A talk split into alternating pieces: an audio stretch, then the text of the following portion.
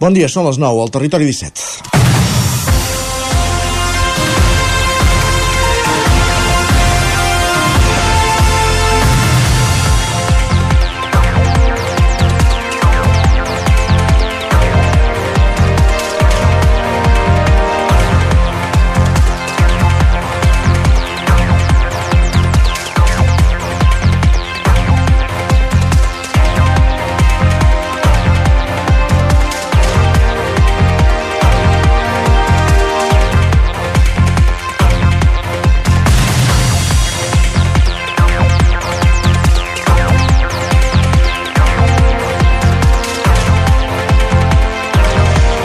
Amb 2.400 expositors i una previsió de gairebé 100.000 visitants, avui obre les portes al recinte de Fira Barcelona, a l'Hospitalet, a Gran Via, una nova edició del Mobile World Congress, el gran congrés mundial del mòbil i les empreses tecnològiques. Entre les grans marques del sector, cada any s'hi fan el seu espai empreses de casa nostra, d'un sector del qual cada vegada són més dependents i, en conseqüència, no pot fer altra cosa que créixer. I és en aquest espai que cada any, i sota el paraigües de l'Associació d'Empreses Tecnològiques TIC Osona, petites i no tan petites companyies de la comarca, es deixen veure l'anomenat Espai Catalunya. Avui, que comença el Mobile World Congress, volem saber quines són i què fan aquestes companyies osonenques. I per això, a partir de dos quarts de deu, conversarem amb dos responsables de Ticosona, el seu president, Albert, Albert Baucells i Joan Martínez. Entre altres coses perquè dues empreses d'aquesta associació també oferiran ponències en el marc del cicle que organitza Sinergia, l'organisme que fa de paraigües del sector a Catalunya i que va ser fundat i presidit per un altre biguetà, Pere Martínez. De tot plegat en parlarem encara d'aquí encara no mitja hora en un territori 17 que ara comença la sintonia de la veu de Sant Joan, el 9 FM, Ràdio Cardedeu, Ona Codinenca, Ràdio Vic, també ens podeu veure a través de Twitch, YouTube, Televisió de Cardedeu, el Nou TV i la xarxa més. Territori 17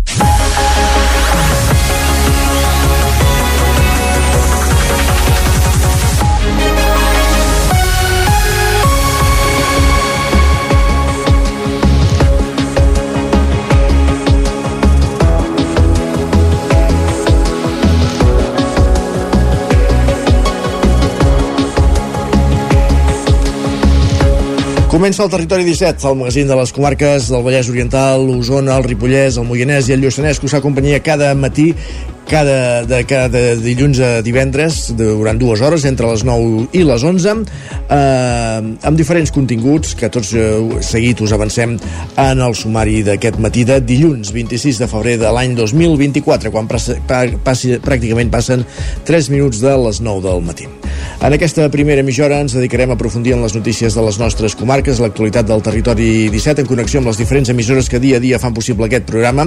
També farem un cop d'ull al cel amb el nostre home del temps, en Pep Acosta, després d'un cap de setmana que es presentava molt mogut i ho ha estat, però per estones, per estones molt curtes i amb molt d'impacte, que els expliquin els conductors que van quedar atrapats eh, per la calamarsada a l'AP7, a l'entorn de Cardedeu o a l'eix transversal dissabte a la tarda.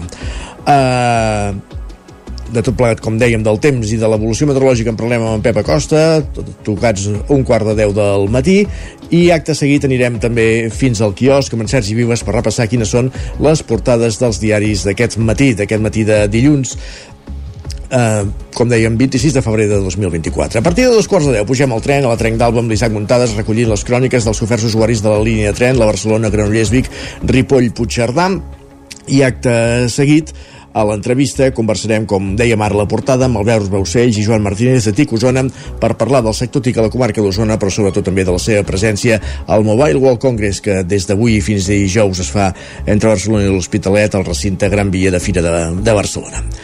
I acte seguit, de la part més tecnològica, del sector més tecnològic de les empreses, al sector més tradicional i artesà, perquè avui en Miquel Giol es desplaça fins a Torelló, on hi ha la torneria, així s'anomena aquest negoci, que no pot ser altra cosa que una torneria, però una torneria gens mecanitzada, del tot artesana.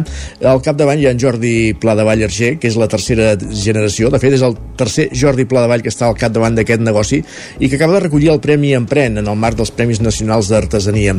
Avui Avui coneixerem eh, les intríngulis d'aquest ofici que hi ha darrere aquest premi, qui és en Jordi Pla de Vall, com dèiem, a partir de 3 quarts de 10 del matí, en Miquel Giol es desplaça fins a la torneria per conversar amb el seu responsable. A les 10 notícies, la previsió del temps i a partir d'un quart d'onze, com cada dilluns, serà moment de parlar d'esports. Farem un repàs al que ha donat de si el cap de setmana esportivament parlant pels equips de casa nostra en connexió en roda amb les diferents emissores del territori 17 per acabar el programa a partir de dos quarts d'onze, fixant-nos amb el més destacat que hem trobat a Twitter en companyia d'en Guillem Sánchez i a la tertúlia esportiva. Després d'un cap de setmana on a falta del partit del Girona res s'ha mogut perquè tant Barça com Madrid han guanyat al cap damunt de la classificació. Barça 4, Getafe 0, Madrid 1, Sevilla 0 avui el Girona que rep el Rayo Montilivi en un camp que estarà ple. I també hi ha bones notícies a, a Can Espanyol perquè l'Espanyol va capgirar el marcador a l'últim instant al camp de l'Eibar, Eibar 2, Espanyol 3 i torna a les posicions de sens directe. També en parlarem amb en Lluís de Planell, que veurem avui si arriba més optimista que altres dies. Com dèiem, tot, així comença un territori 17, a la sintonia eh, de les emissores que dia a dia fan possible aquest programa, el magazín de les comarques del Vallès Oriental, l'Osona, el Ripollès, el Moianès i el Lluçanès, i tot seguit repassant les notícies més destacades d'aquestes comarques. Territori 17.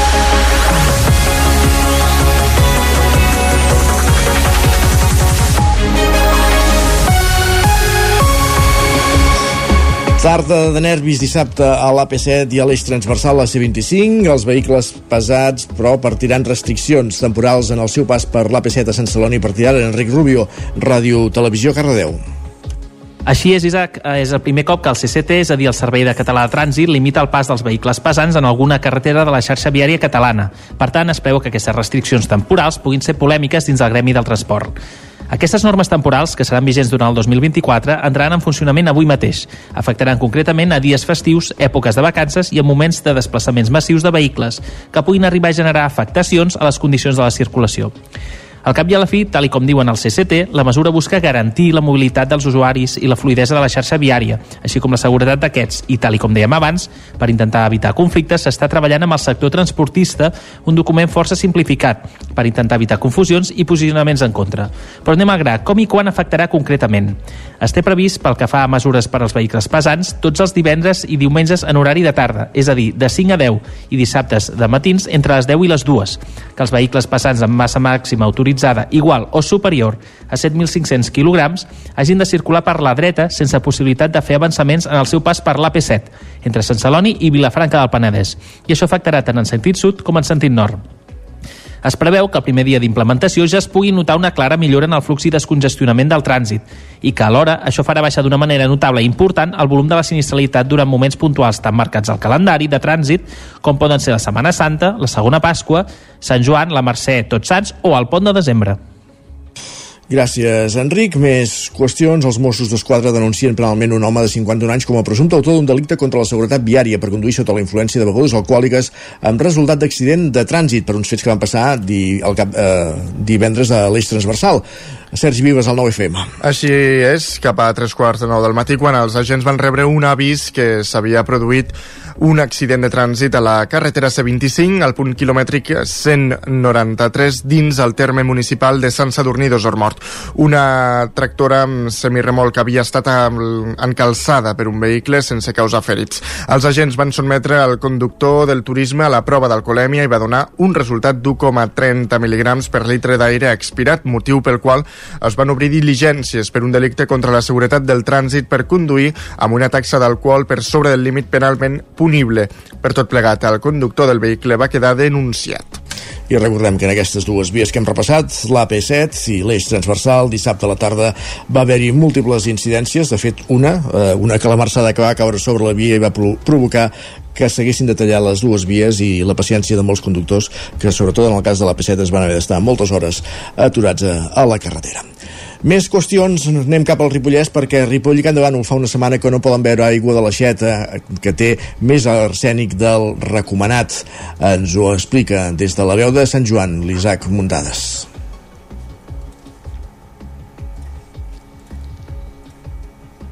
Aquest dilluns es compleix una setmana des que els ajuntaments de Ripoll i Can de Bànol van recomanar a tota la població que no consumís aigua de la xarxa d'una manera continuada per beure o cuinar per la detecció d'un augment en el nivell d'arsènic superior a 10 micrograms, el màxim recomanat en la zona que subministra les dues poblacions. Aquest dissabte es va fer una nova actualització i els nivells continuaven estant per sobre, sent de 12 micrograms per litre. En el darrer ple de Can de Bànol, l'alcalde Oriol Lázaro va explicar que durant la setmana la xifra es va disparar fins als 14 micrograms d'arsènic per litre. Amb els problemes de sequera actual, l'única manera de reduir la concentració d'arsènic és tirar clorur fèrric a l'estació potabilitzadora, però ni així s'ha pogut reduir per sota del màxim recomanat. Lázaro va apuntar que el problema principal és que l'etable gestiona Somarsa, l'empresa d'aigües de Ripoll, i això els impedeix saber les dades a temps i que puguin reaccionar amb mesures preventives. De fet, l'alcalde va explicar que va alertar-lo de la problemàtica l'alcaldessa de Ripoll al cap de setmana de la darrera setmana en una conversa telefònica. Lázaro subratllava que s'havien d'espavilar a renovar l'etapa. Quan em va trucar la batllessa dient escolta, que comencem a tenir un problema, pràcticament no la vaig deixar acabar. Dic, I la licitació per quan? Perquè és un altre tema que com que qui licita és Somarsa, estem a les fosques amb això també. No sabem ni en quin punt, ni què s'ha fet, ni quines converses hi ha. Tot ve d'una primera reunió que vam fer l'any passat, a finals d'any, i, i d'allà vam extreure un pressupost aproximat que ens tocaria portar a nosaltres. No, no el tenim tancat al, en el cèntim perquè no tenim tampoc el, el projecte definitiu amb totes les dades. I li vaig requerir. Dic, bellesa, ara sí que corre pressa això, eh? I va reaccionar com molt ben dia, un dia, m'ho he de posar a la taula. I vaig veure que sí, perquè l'endemà va fer el tuit dient que ja s'estava treballant amb la licitació. Si tot anés bé, les obres de millora i renovació de l'etapa haurien de començar aquest 2024 i s'acabarien a principis del 2025. El porteu d'Esquerra Republicana, Toni Riera, va fer una proposta a l'equip de govern per mirar de solucionar provisionalment aquesta problemàtica. Una és l'aportació d'aigua de boca captada per la vall del Ter en règim de solidaritat entre els pobles de la comarca a través de cubes. L'injecció d'aquesta aigua a la xarxa de subministrament equivaldria a disminuir, a diluir-la amb l'existent i a disminuir el nivell d'arsènic. Amb això aconseguim la disminució de l'ús d'envasos de plàstic, que ara en aquests moments els fem servir, la càrrega als usuaris dels bidons o, o recipients per, per portar l'aigua, la disminució de la despesa de la compra de l'aigua de boca. L'alcalde Candavanolenc veia bé la idea, però demanava treballar-la i tenir un estudi de costos, ja que pensava que podia ser cara. Gràcies, Isaac. Per cert, hem de recórrer al diccionari comú dels mortals, Isaac Muntades, Isaac Muntades, comú dels mortals, ETAP, estació de tractament d'aigua potable, és a dir, el que el comú dels mortals entenen com a potabilitzadora. Més qüestions qüestions. Fumata Blanca Vic pel que fa al model de gestió de residus. Després d'anys de debat i ambivalència, Vic no implementarà finalment el sistema de recollida porta a porta al conjunt de la ciutat, com explicàvem divendres a la tertúlia i de fet en parlàvem amb el mateix alcalde de Vic, Albert Castell. Sergi Vives, al 9FM. És un dels principals titulars que es desprèn del Pla d'Actuació Municipal, un document que marca el full de ruta a la ciutat d'ara fins al 2027 a través de 400 accions. El govern de Vic, format per Junts i ara Pacte Local, aposta ara per un sistema mix de recollida d'escombraries i això passa per implementar el sistema de, de recollida porta a porta només en algunes zones de la ciutat. Aquesta mateixa primavera es posarà en marxa a Sant Forest la Guixa i als barris de Sant Llàtzer i les quatre estacions, un model que de cara a la tardor s'estendrà a la Serra de Sant, Fer, de Sant Ferm i a la plaça Osona. No, no arribarà, però, a la resta de la ciutat, on finalment s'ha decidit apostar per contenidors intel·ligents que podrien començar-se a desplegar l'any 2025. Sentim Xavier Ferrés d'Ara Pacte Local en aquestes zones de vivendes unifamiliars o residencials haurà el porta a porta, allò de tenir-ho davant de casa, i amb els altres espais que siguin multifamiliars, que hi hagi més eh, densitat d'habitatges, eh, aplicarem el sistema dels contenidors eh, xipats, no? Amb la qual també doncs, no hi haurà tanta incomoditat pel, pels veïns un model que s'haurà d'aprovar al llarg d'aquest 2024 al ple de l'Ajuntament per tirar-lo endavant, però, el govern bigatà necessitarà la complicitat de, com a mínim, un regidor més de l'oposició. Sentim l'alcalde, Albert Castells perquè aquest pla de gestió s'ha d'aprovar per un mínim de, de 11 vots en el ple del consistori per passar-li al Consell Comarcal l'encàrrec definitiu del model a implantar l'any 25. Per tant, la proposta del fruit del pacte és aquesta, ens caldrà suports d'algun altre grup i properament ara és el moment de començar a parlar-ne seriosament. I n'hem parlat des del primer moment i amb tots els grups polítics. En el mes de juliol els vaig passar sobre la taula que hi havia aquest repte, aquest mandat que es havia d'acordar un nou pla de gestió per l'any 25 més enllà d'aquests barris que ja estaven adjudicats Precisament les complicitats les trobaran, segons el 9-9, amb el PSC i Somi. Són els dos únics grups que veuen amb bons ulls el canvi de rumb. La resta de partits, Esquerra, CUP i En Comú Podem, critiquen el canvi, sobretot també per la manca de comunicació i transparència. Lamenten assabentar-se dels plans del govern a través de la premsa.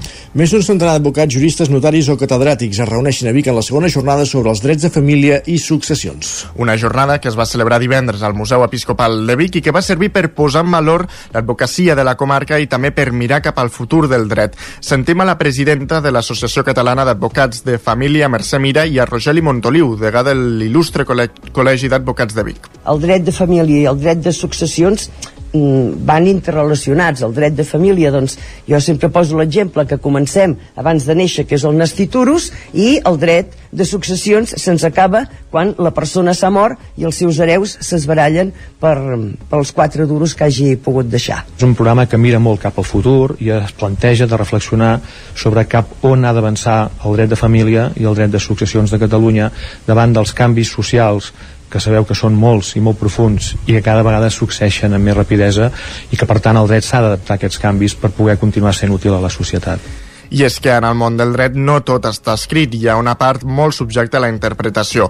Per això, i especialment en el cas de les successions, el més raonable, diu el president de l'Associació d'Especialistes en Dret de Successions, Ramon Prat de Saba, és la planificació. Avui hi ha situacions, per exemple, parlem de la, també de l'evolució familiar, no? Quan tu tens eh, un cert patrimoni, perquè avui dia tothom té alguna cosa, eh? I, i escolta, i tens fills de matrimonis diferents, o t'has separat més d'una vegada, o, o tens una persona amb una discapacitat, és imprescindible que aquest assumpte el tractis en vida quan estàs bé i el planifiquis, si no després passa el que passa no? que, que les coses però no funcionen bé i tenim la intervenció judicial i tenim efectes i conseqüències no desitjats aquestes trobades científiques doncs, ens ajuden a tots els professionals doncs, a millorar jo diria que el principal objecte de la, de la sessió d'avui és la transferència de coneixement no? La jornada va ser organitzada entre l'Associació Catalana d'Especialistes en Dret de Successions, la Societat Catalana d'Advocats de Família i l'Il·lustre Col·legi d'Advocats de Vic. Més qüestions. Caldes de Montbui acull la cinquena trobada nacional de sidecars històrics de Catalunya. Roger Ram, zona codinenca una cinquantena de motocicletes clàssiques, la majoria d'elles Vespa, amb el seu sidecar, han omplert aquest diumenge al matí la plaça de la Font de Lleó de Caldes de Montbui. La concentració ha estat el plat fort de la cinquena trobada de sidecars clàssics de Catalunya, que enguany ha escollit la Vila Termal com a seu. Segons explicava un dels seus organitzadors, Sergi Romeu, membre del Club Vespes del Vallès, aquesta ha estat una trobada històrica pel que fa a l'assistència, i és que a dia d'avui, arreu de Catalunya només hi ha comptabilitzades una quarantena d'aquest tipus de motocicletes, totes elles d'entre els anys 50 i 60 del segle passat, bona part de les quals han participat d'aquest esdeveniment, moltes d'elles per primera vegada. Aquesta trobada jo crec que és històrica. O sigui, que si tenim en un grup 43 sidecars a tota Catalunya, n'han vingut 19. Jo diria que en falten que funcionin 4 o 5. Han vingut gent de Tortosa, de Cabanes, de, de, de tot arreu, és que de tot arreu. Ha estat impressionant. Bueno, Cal, Caldes té una cosa molt bona, que és que està molt cèntric, vale? aquí en el Vallès. Fem una ruta molt planera, molt fàcil i a més a més té l'atractiu de totes les caldes de romanes, amb la qual cosa està perfecte. Una de les persones que també ha participat d'aquesta cinquena trobada de sidecars clàssics a Caldes ha estat Pere Lloberes, veí de Sant Feliu de Codines i propietari d'una Vespa 150S amb sidecar. A banda de ser un gran aficionat a aquests vehicles des de jove, Lloberes ostenta un rècord Guinness vinculat a la seva passió. I és que el mes de març de l'any 2008 va decidir batre el World Guinness Record de més hores viatjant en moto sense parar. Va ser un viatge entre Sant Feliu de Codines i Jerez de la Frontera a Cádiz que va fer amb la seva Vespa amb sidecar. El rècord Guinness, aquest el vam fer el 2008, i vam sortir de Sant Feliu de Codines fins a Jerez de la Frontera, que feien el Gran Premi de motos allà. Bueno, vam baixar, vam estar 23 hores, vam fer una gran festa aquí a la plaça a l'hora de sortir, i anàvem amb un equip de 30 persones avall, i bueno, vam fotre això, 1.200 quilòmetres en 23 hores. Bueno, uh, sí, això ens ho va dir el, el del Guinness, ens feia firmar uns papers cada... Vam fer 10 parades per, per habitualment i per posar vaccin i això, i ens va dir que sí. Ens diu, és el... Bueno, ja ens ho va dir, si veu, això és el que més, has fet més hores en moto seguida. Després de l'èxit des de l'organització no descarten tornar a escollir Caldes de Montbui com a seu per a futures edicions d'aquest esdeveniment. Gràcies, Roger. Acabem aquí aquest repàs informatiu que començàvem al punt de les 9 en companyia de Roger Rams, Sergi Vives, Enric Rubio i Isaac Muntades. Moment al territori 17 de saludar l'home del temps, en Pep Acosta.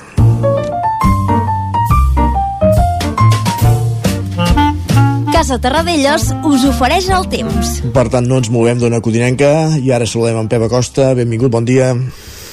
Bon dia, ja som dilluns, per fi som dilluns, setmana que eh, acabarem amb el mes de febrer i ja començarem març. el mes de març. Març, març, setmana a cavall entre aquests dos mesos.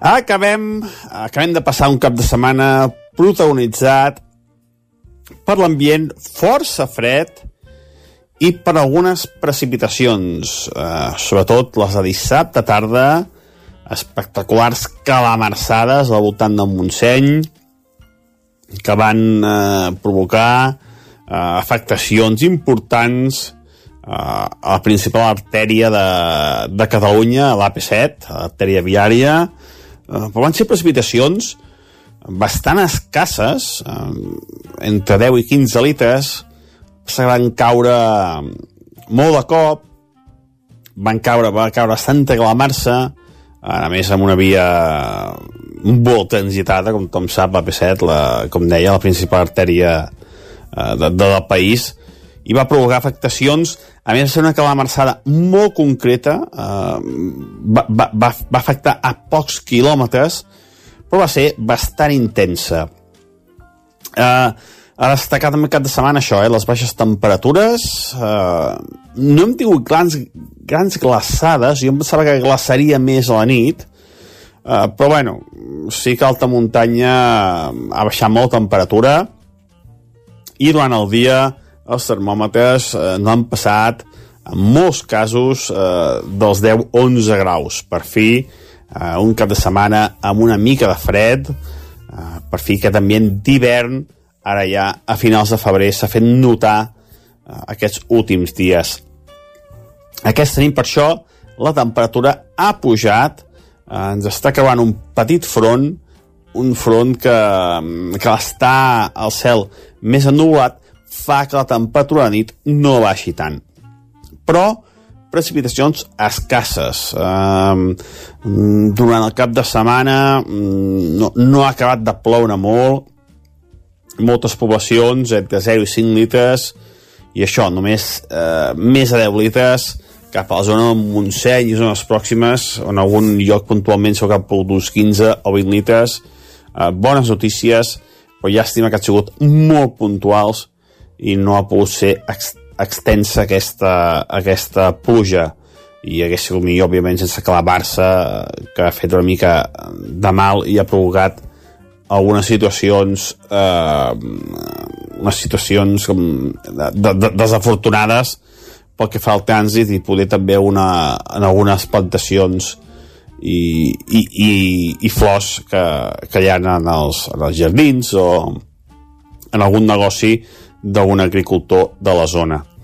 Però bueno, almenys hem tingut això, eh? un cap de setmana una mica mogut, una mica fred, una mica de pluja.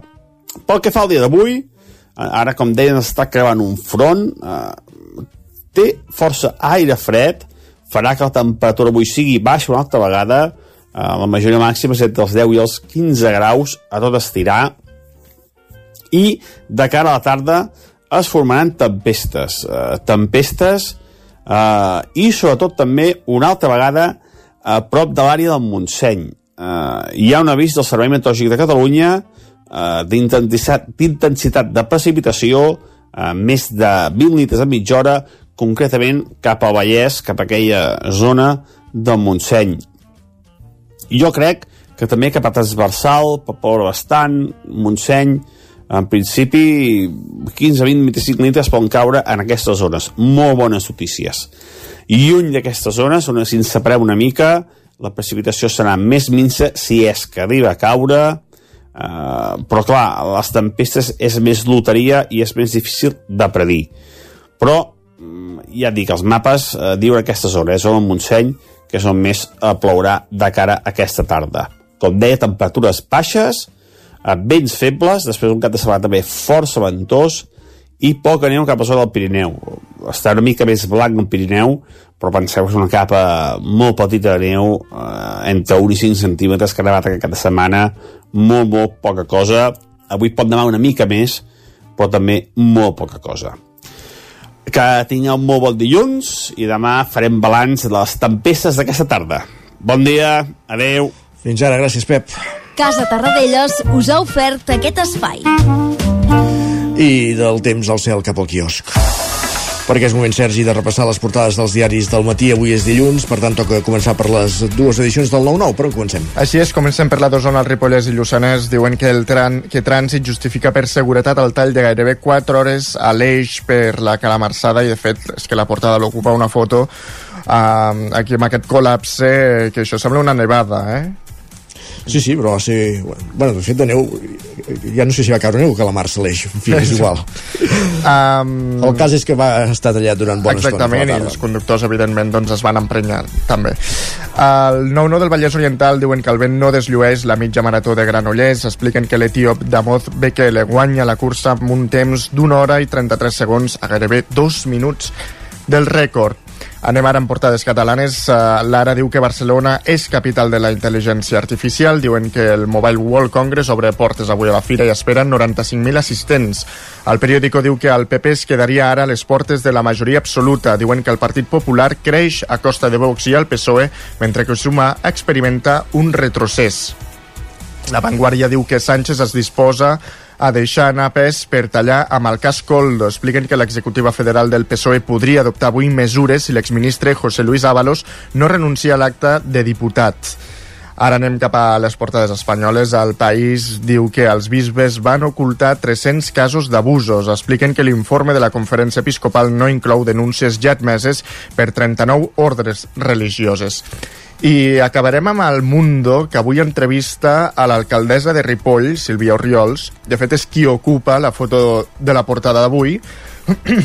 I què diu? Diu que Espanya doncs, utilitza la immigració per acabar amb la nació catalana i també diu que l'amnistia és un repartiment de caramels entre Madrid i independentistes, però Madrid diu mai compleix.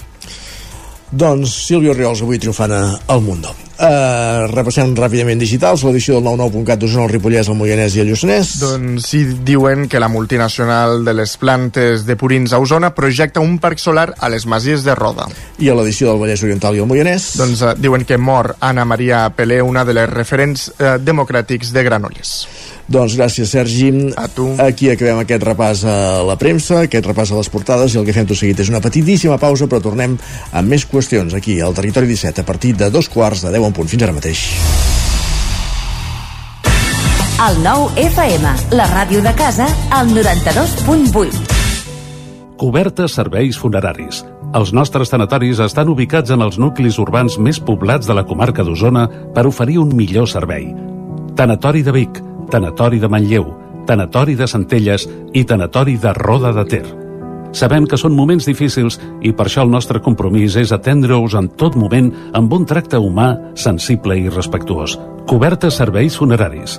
Telèfon 24 hores 93 883 23 46.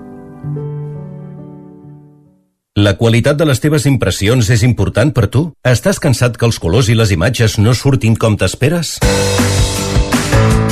A Impremta Mater disposem de la tecnologia més avançada i els millors professionals per aconseguir impressions d'alta qualitat. Fem tota classe d'impresos amb acabats professionals. Llibres, catàlegs, revistes, tesis, calendaris, enquadernacions... I a més, disposem del servei d'impressió digital en gran format, roll-ups, lones, pòsters i molt més. Impremta Mater. Ens trobaràs a la carretera de Sant Hipòlit 23 de Vic o impremtamater.com. L'infopodcast del 9-9 amb Sílvia Pedret. Cada dia et donem les claus de les notícies més rellevants de casa nostra. Vivim en una comarca que s'està demostrant pionera en transició. Desperta't cada dia amb l'infopodcast del 9-9. Aquesta setmana tornen a ser notícia els pantans perquè han baixat... El trobaràs a dos quarts de vuit del matí al 99.cat, Spotify, iVox i, si ho vols, te l'enviem directament al mòbil. Subscriu-te als canals de WhatsApp i Telegram del 99. Soc Sílvia Pedret. Comencem. T'imagines un programa de política, d'economia, feina... Doncs ja te'n pots oblidar. Quin tinglado! Un programa d'entreteniment, actualitat, cultura i molt rigorós. Amb Bada Serrat, Miquel Giol i Eudal Puig. Un programa que no passarà a la història i que tampoc guanyarà cap ondes. No ens flipem. Escolta'l cada dijous en directe de 8 a 9 del vespre al 9 FM. Ai, ai, ai, quin tinglado! Territori 17. El nou FM 7 Som l'espai comunicatiu format per les comarques d'Osona, el Lluçanès, el Moianès, el Ripollès i el Vallès Oriental. Enric Rubio, Ràdio Televisió, Cardedeu. Bon dia al grup. Cada matí, de 9 a 11, al 9 Roger FM. Ram, zona codinenca. De la sanitat pública. L'actualitat de les nostres comarques i tot el que has de saber abans de sortir de casa. Isaac Muntades, la veu de Sant Joan. de setmana, Sant Joan. Cada matí, Pep Acosta, el nostre home Territori del temps. 17. Avui contents. Anuncia't al 9FM. La màquina de casa. 9 3 8 8 9 4 9 4 9 Publicitat arroba al 9FM.cat. Anuncia't al 9FM. La publicitat més eficaç.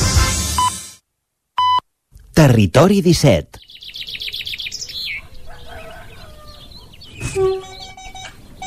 A Tren d'Alba. Cada dia els usuaris i usuàries de la línia R3 de Rodalies que veuen sortir el sol des d'un vagó ens expliquen les gràcies i les penes del primer comboi que uneix Ripoll i Barcelona o les feixugues jornades amb el tren després de treballar. Benvinguts a Tren d'Alba. S'acosta la Setmana Santa, que és un mes en què arreu del territori desfilen les processons. Doncs el col·lectiu Perquè no ens fotin el tren n'està fins als nassos de l'R3, via Crucis, i per això han convocat una processó reivindicativa aquest divendres a la tarda amb el títol L'R3 la nostra creu. I no els hi falta raó. L'altre dia, el diari El 9-9 d'Osona i el Ripollès feia una radiografia de tots els problemes que hi havia hagut a la línia des de l'inici d'any, que ja us detallaré, perquè val força la pena. En tot cas, tornant a aquesta mani processó, es trobaran a les 6 de la tarda a l'estació de la Garriga, havent vingut amb els trens que surten a les 16.44 de Ripoll i a les 7.54 de l'Hospitalet de Llobregat. Ja veurem si arriben a temps. Esperem que d'aquí a Setmana Santa el servei millori, ni que sigui una mica. Va, ens retrobem demà amb més històries del tren i de l'R3. Territori 17. Un minut que passen de dos quarts de 10 del matí.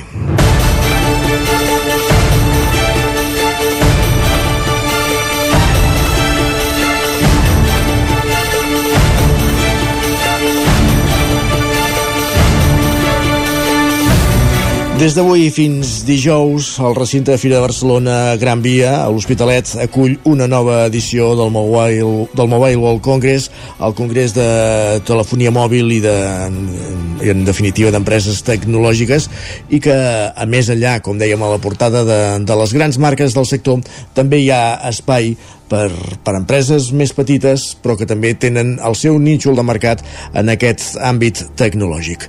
A Osona n'hi ha diverses i sota el paraigües de TIC Osona i en el marc de, de l'Espai Catalunya eh, en col·laboració amb l'Associació Catalana Sinergia doncs cada any tenen el seu espai al mobile i seran presents i avui volem parlar amb dos, amb dos dels responsables d'aquesta de, entitat de TIC Osona com són el seu president l'Albert Roussells i també en Joan Martínez.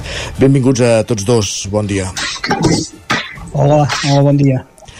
Uh, volem parlar del mobile, però també volem parlar d'un sector del tecnològic que, òbviament, tenint en compte que cada cop en són més dependents, també el tenim més present uh, a les nostres vides. Uh, primer de tot, volem mm, ja posar-ho tot en context, explicar-nos primer de tot qui sou, Tico, qui és Ticosona, qui és aquest, qui, qui representa aquesta entitat? Mira, eh, Ticosona és una associació, una associació d'empresaris TIC, vale? eh, bueno, uneix diversos, diversos grups d'empresaris, tots, tots amb el mateix concepte de les tecnologies de la informació, que aquest concepte de tecnologies de la informació ha anat canviant una mica. Eh?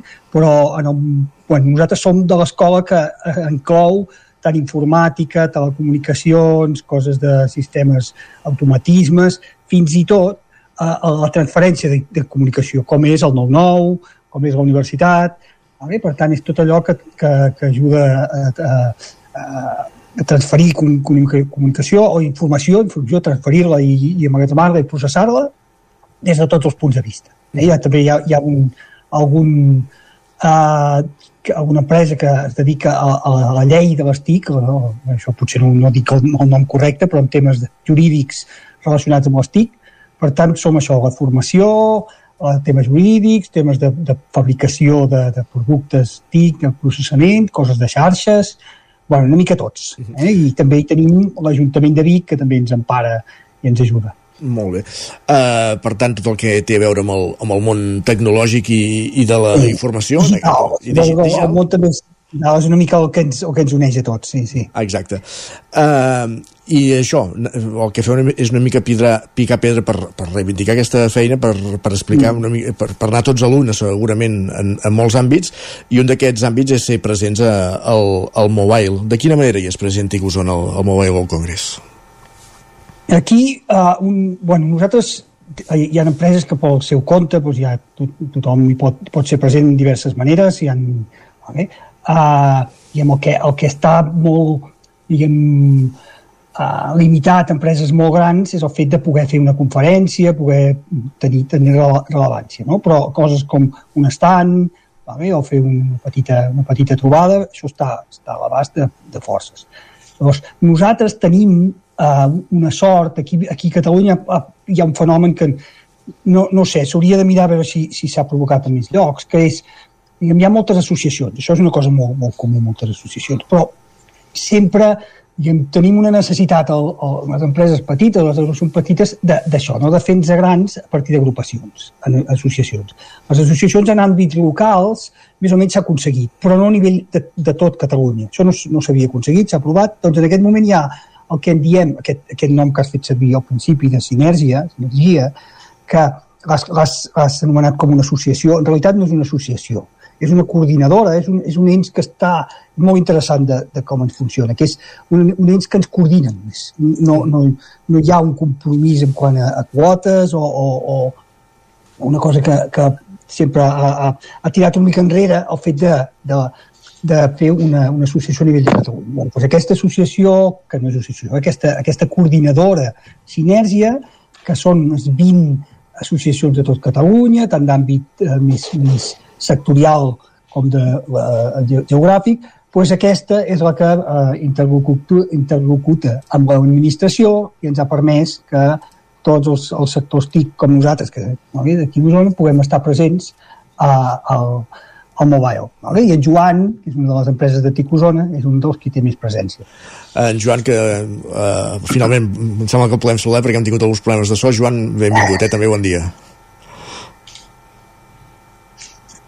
A veure si... No, no sabem si, si ens està ah, sentint. En Joan és de l'empresa d'aquí, sí, ja, ara sí. Està, és de l'empresa d'aquí. Que és... Perdó, ah, disculpeu-me, eh? és que Uh, amb això de la informàtica sempre hi ha problemes tècnics, eh? Correcte. És curiós. curiós, eh? avui que estem entre informàtics. És uh... curiós. Bueno, això, això està bé perquè demostra a tothom que, que no, no, no són els usuaris i prou que tenen problemes, sinó també els que estem dins d'aquest món. Cert. Uh, ara Albert, en Joan, ai, Joan, l'Albert ens comentava eh, el fet eh, de, de la presència que, que té Ticosona o algunes empreses com la teva, el, el Mobile World Congress, que hi presenteu, que hi aneu a fer, per entendre'ns, el Mobile aquests dies. Bueno, d'entrada, eh, sempre de la mà de Ticosona i l'oportunitat que es dona Sinergia, suposo que l'Albert ja ha fet una introducció en aquest sentit. Sí, sí, ja, que, que, bueno, és una gran oportunitat, diguem, per totes les empreses d'Osona i, i animo a, a que tothom que estigui en aquest sector dins la comarca pues, uh, s'apropi a, a Ticosona perquè jo, almenys en el, en el nostre cas de Business Tech Consultoria, pues és una gran oportunitat poder primer estar al mobile, que és, uh, és d'interès per, per tothom, és, és, és obligat dins d'aquest sector doncs, que, que hi parem atenció, i llavors és el fet de que, bueno, com a empresa que estem aquí a Osona i sí que tenim clients per tot arreu, però som una empresa petita, doncs podem compartir uns dies al costat de, de les principals associacions del país, eh, conèixer doncs, eh, qui mou el carro amb tots els aspectes en el sector TIC i poder doncs, eh, trobar oportunitats i també donar-nos a conèixer doncs, per col·laborar amb el que sigui. Uh mhm. -huh. I bueno, això és, és un, és un gran valor. I, I allò que fan les grans marques d'aprofitar el mobile per presentar-hi productes, per presentar-hi coses, en aquest aspecte, eh, hi presenteu alguna cosa eh, aquests dies a, a, al mobile? Bueno, nosaltres directament eh, farem una intervenció el dijous eh, des de Betty, que és explicar doncs, la, la importància de, de la digitalització i sobretot aprofitar per explicar doncs, que en breu es posen en marxa sobre una, tota una sèrie de lleis que, que canviaran la situació a moltes empreses i el que volem és eh, explicar com les podrem ajudar eh, per assumir aquestes lleis, tot el tema de facturació electrònica, llei crear i crece que en diuen, l'antifrau, que bueno, mm, és alguna cosa que, que, que es va sentint a parlar, però que en, en un termini molt curt empreses petites i, i de, de tot tipus s'hauran doncs, de posar al dia. I llavors, bueno, al final des de Bètic ens dediquem a això i aprofitem aquest espai doncs, per donar-hi visibilitat. Uh -huh. El que està clar és que que comentàvem al principi, cada cop vivim en un món més digitalitzat, per tant, les empreses TIC eh, cada cop han de guanyar més presència al mercat, oferint noves solucions, oferint nous reptes, donant resposta als reptes. Ara parlàvem en aquest aspecte de, de, de reptes legals, als quals també s'haurà de, de donar resposta. A quin nivell de, de digitalització està, eh, considereu, l'empresa usonenca ara mateix, o, o a nivell particular també, o, o, o cap on s'ha de créixer, no? diguéssim? No sé si encara mm, anem amb, amb un esclop i una espardenya moltes vegades en àmbits tecnològics o ens hem anat posant les piles? Home, jo crec, per experiència pròpia, que a la comarca hi ha empreses doncs, que estan a un nivell molt, molt alt. Uh, a vegades sempre ens sembla que fora van millor, no? Vull dir, a vegades està bé, eh? Vull dir, pensar-se que l'altre va millor perquè així no, no, no fluixes, eh? Però la veritat és que aquí tenim gent molt preparada, vull dir, s'estan fent coses molt, molt importants. El que passa que en l'aspecte TIC, i, i ara és un moment, jo penso, de, de, de canvi, de, de, de revolució, bueno, això sempre ho diem, eh? Vull dir, amb les TIC, eh, surt el 3G, el 4G, el 5G, sempre, sempre, sempre estem, que estem en revolució, però ara, eh, amb tot el tema de la intel·ligència artificials, sembla que sí que hi haurà un canvi molt gran. No? I, I el que no pot passar és que sí que hi ha empreses que estan molt preparades, però hi ha empreses que van utilitzant la informàtica una mica com va, el que replego, el que em passa, no sé què, i que potser sí que hi han, han de parar, analitzar i han d'entrar en aquest món perquè hi haurà canvis importants. Uh -huh. I el sector TIC, Albert, a la comarca abans ens el descrivies de, de la diversitat d'àmbits amb, el, amb el qual treballa, però també eh, tenim l'imatge d'alguna gran empresa molt potent a la comarca en l'àmbit digital, però també d'això, de, de, de petits emprenedors o de petites empreses eh, amb, amb pocs treballadors, diguéssim, que eh, amb, amb molts nínxols de mercat per anar, per anar cobrint, diguéssim, no? És, és ampli en aquest aspecte el, el sector. Sí, sí, sí. Jo, jo crec que, bueno, aquí, com has comentat, aquí Vic, o aquí, aquí a Osona, eh, tenim una de les empreses més grans d'Espanya, amb un referent a Europa i una de les, de més grans Catalunya segur, que és Seidor. Eh? Seidor és una empresa que és excepcional que, i com, com passa en altres llocs, jo sé, si, si mires, bueno, poc domino tant, eh? però si mires la, no sé, uh, Microsoft, Microsoft on, on neix, no? al costat d'altres grans empreses, no? i on neix Oracle, que és una base de dades multinacional. Doncs al costat de, de Seidor es, es mobilitza moltes coses i ens, ens ajuda molt. És part de Ticosona també. Vale? I després, jo crec, la meva, la meva percepció, eh? diguem, ha arribat un punt on la, la, la, diguem, vosaltres, eh, que tothom sap que això, no? que la, la informàtica hi ha molta feina, se necessiten molts, no en tenim prou, sempre, sempre hi ha demanda, no? de, de, perquè arriba un punt que, que ens necessitem tots, o sigui, hi ha tanta feina a fer, i tot això de, de la intel·ligència artificial, de, de, els ordinadors que ja no es comporten amb la base del, dels ordinadors, que els volem apropar una mica amb aquest processament una mica més humà, però no exacte. Els, els ordinadors són molt perfeccionistes, molt bons fent, fent números, vale? però nosaltres no. Llavors, a mesura que volem que ens, que ens ajudin a fer coses nosaltres, els hem d'allunyar dels números.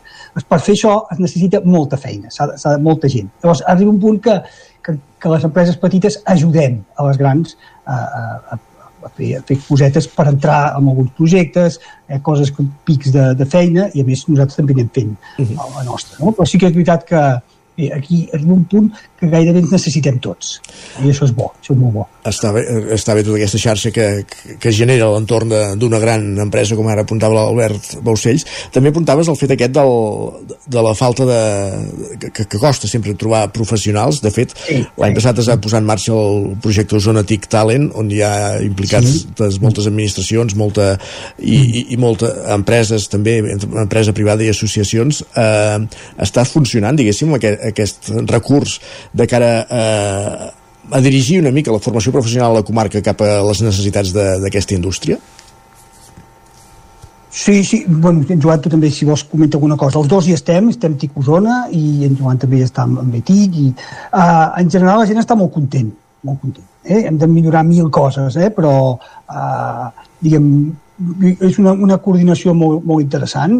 El beneficiat sobretot són els nanos joves i noies joves que, que tenen una manera més fàcil d'entrar d'entrar a les empreses, uh, visualitzar aquest esforç que les empreses han de fer per cuidar els nanos i, i no, no, no només exigir que vinguin ben preparats i quan estiguin a les empreses començar a, diguem, explotar-los en bon sentit de la paraula, sinó que hi ha, la, hi ha el procés, sobretot el procés inicial que han de, han de fer una, una formació. Els, els nois i noies quan surten de la formació ara saben poc. Uh -huh. I per tant s'ha de fer aquest període de formació. També també és una cosa molt interessant de que els nois i noies eh, abans d'entrar a, a les empreses tot això es mou sobretot pel, per la formació d'aquests que se'n diu el tipus dual, que el tipus dual és la formació que dona una, una bona part de la, de la formació a les empreses. Vale? No només és el, el, el centre de formació que forma i a les empreses es treballes, hi ha un període final de la formació que es fa a les empreses. I això, això és, un, un gran canvi. I, i aquest període entre els, els estudiants, estudiantes han d'entrar a les empreses perquè allà faran formació, doncs està molt bé perquè se'ls fan una, formació, una, una visió de, de, l'ecosistema d'empreses que tenim. Doncs mira, aquesta empresa fa això, aquesta fa. Intenta tenir una visió de les diferents especialitats informàtiques i de, de TICs que hi ha està bé, està bé, els, els nois venen més preparats amb una visió més, més a punt per entrar, les empreses saben que han de fer aquest esforç de formació, està, jo, crec, jo crec que està molt bé, està molt bé. A veure, ho hem d'anar millorant de mil maneres, però, però crec que en general la gent està molt contenta. L'administració també, i ja per últim, eh, com que aquesta entrevista la fèiem en ocasió del Mobile World Congress, què és el que no us perdreu vosaltres al, al Mobile? Diguéssim, des del punt de vista professional, què, què hi aneu a buscar o què és el que més us pot atraure d'aquest Mobile? A nivell popular sentim aquest matí titulars que de la intel·ligència artificial als mòbils, del 6G, eh, no sé, des del punt de vista, punt de vista professional, vosaltres què, què, què n'espereu d'aquest congrés? Eh, Joan. Bueno. Després diré la meva. Sí. No, no, bueno, jo d'entrada, o sigui, la, hi, hi ha tan sols l'oportunitat que hem parlat abans de poder interactuar en tot el nostre sector d'aquí, doncs, doncs és un valor mm, impressionant. Val? Llavors, amb aquestes fires tan, tan immenses, no sé, jo penso que, no, que, que almenys nosaltres no va estar a buscar una cosa molt, molt concreta, sinó tenir una visualització de, de, de lo que s'esdevé. O sigui, de, de parar atenció perquè, ostres, eh, descobreixes coses que, que d'aquí a molt poc les tindrem al carrer, a casa, a tot arreu, no? Llavors, eh, bueno, jo penso que tan sols això és molt important, vull dir, el fet de que no, o sigui, no, no ens podem conformar amb el que tenim ara, sinó que segur que segur amb molt poc tot haurà canviat molt. I el mobile, doncs, és, és el catàleg no? de lo que ens ve. Sí, sí. Jo, jo el que tinc un especial interès en fixar-me és, donat que és un, un lloc de tecnologia tan puntera, tan excepcional, que està a l'abast de tothom, el punt aquest de la intel·ligència artificial, a veure quin esforç es fan els professionals per explicar per explicar què és. Si ens hem d'espantar, ens espantem, si ens hem d'estar tranquils, tranquils, però ens han de fer, aquests professionals han de fer un esforç per explicar a la societat el que és la intel·ligència artificial i el que ens ve. Perquè penso que entre tots ens estem liant una mica i no, no ho acabem, no acabem d'explicar bé. I això és un bon punt. És un, un, un lloc on hi haurà molta gent, hi haurà gent molt experts i no només han d'explicar aquell, aquell aquells temes tècnics que, que o ets experts o, o no ho entens, no, han de fer una explicació del que ens ve a nivell del, dels no experts i, i saber si, si serà tan gros i tan petit. Eh? Això és el que a mi m'interessa veure com, com s'explica i com, com això es transmet a la, a la societat. Albert... Ens ve feina, ens ve feina. Exacte, està clar, claríssim. Albert Bocells i Joan Martínez de TIC Osona, gràcies per ser avui amb nosaltres, nosaltres i passeu nosaltres. molt bé aquests dies que, que sereu al, al Mobile World Congress. Bon dia. Bon dia, gràcies. gràcies. Adéu. Adéu. Doncs hem conegut més detalls del sector TIC, en aquest cas a la comarca d'Osona, eh, avui eh, amb aquests dos responsables de, de TIC Osona, en ocasió del Mobile World Congress, que com dèiem, fins dijous se celebra a Barcelona, a l'Hospitalet, al recinte de Gran Via de Fira de, de Barcelona. Ara canviem totalment de temàtica, em passem de la part tecnològica a la part més artesana. De seguida us ho expliquem.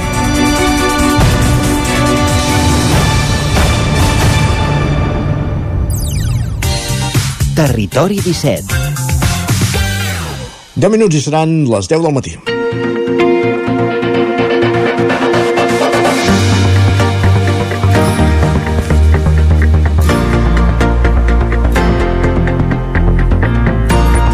I és que avui fa una setmana, dilluns de la setmana passada, al Palau de la Generalitat s'hi celebrava, s'hi lliuraven els Premis Nacionals d'Artesania. I un d'aquests premis, el Premi Empren, eh, en aquesta edició del 2023, ha estat per un torner de Torelló, torner de, de fusta, que està al capdavant d'un negoci que porta de fet de nom la torneria.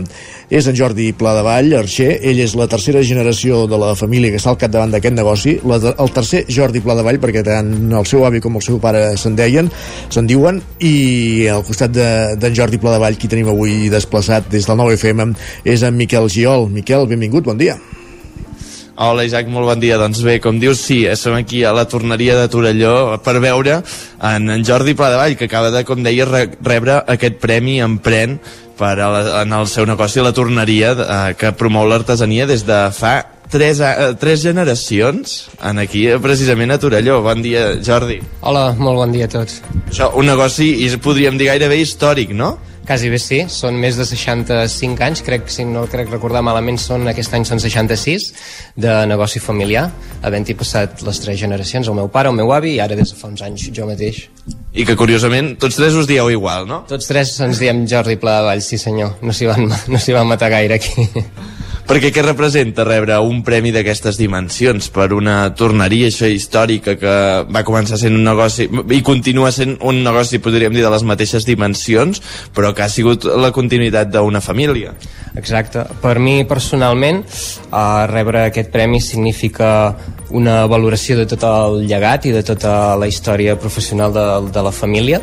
Uh, és, és un, una valoració tant per la feina que va fer el meu avi a l'hora de posar en marxa el taller o, o de, de crear el seu propi negoci uh, després el, el meu pare que també va passar el fet de continuar-lo i jo que ara sóc uh, qui s'encarrega del negoci familiar doncs per mi poder veure tot el procés que ha seguit i els canvis que hem viscut i a sobre doncs que, que ens haguem adaptat a un altre tipus de model de negoci que necessitàvem fer-ho sí o sí a dia d'avui, veure que tot això és reconegut i valorat, doncs, bueno, estem supercontents, la veritat és que sí.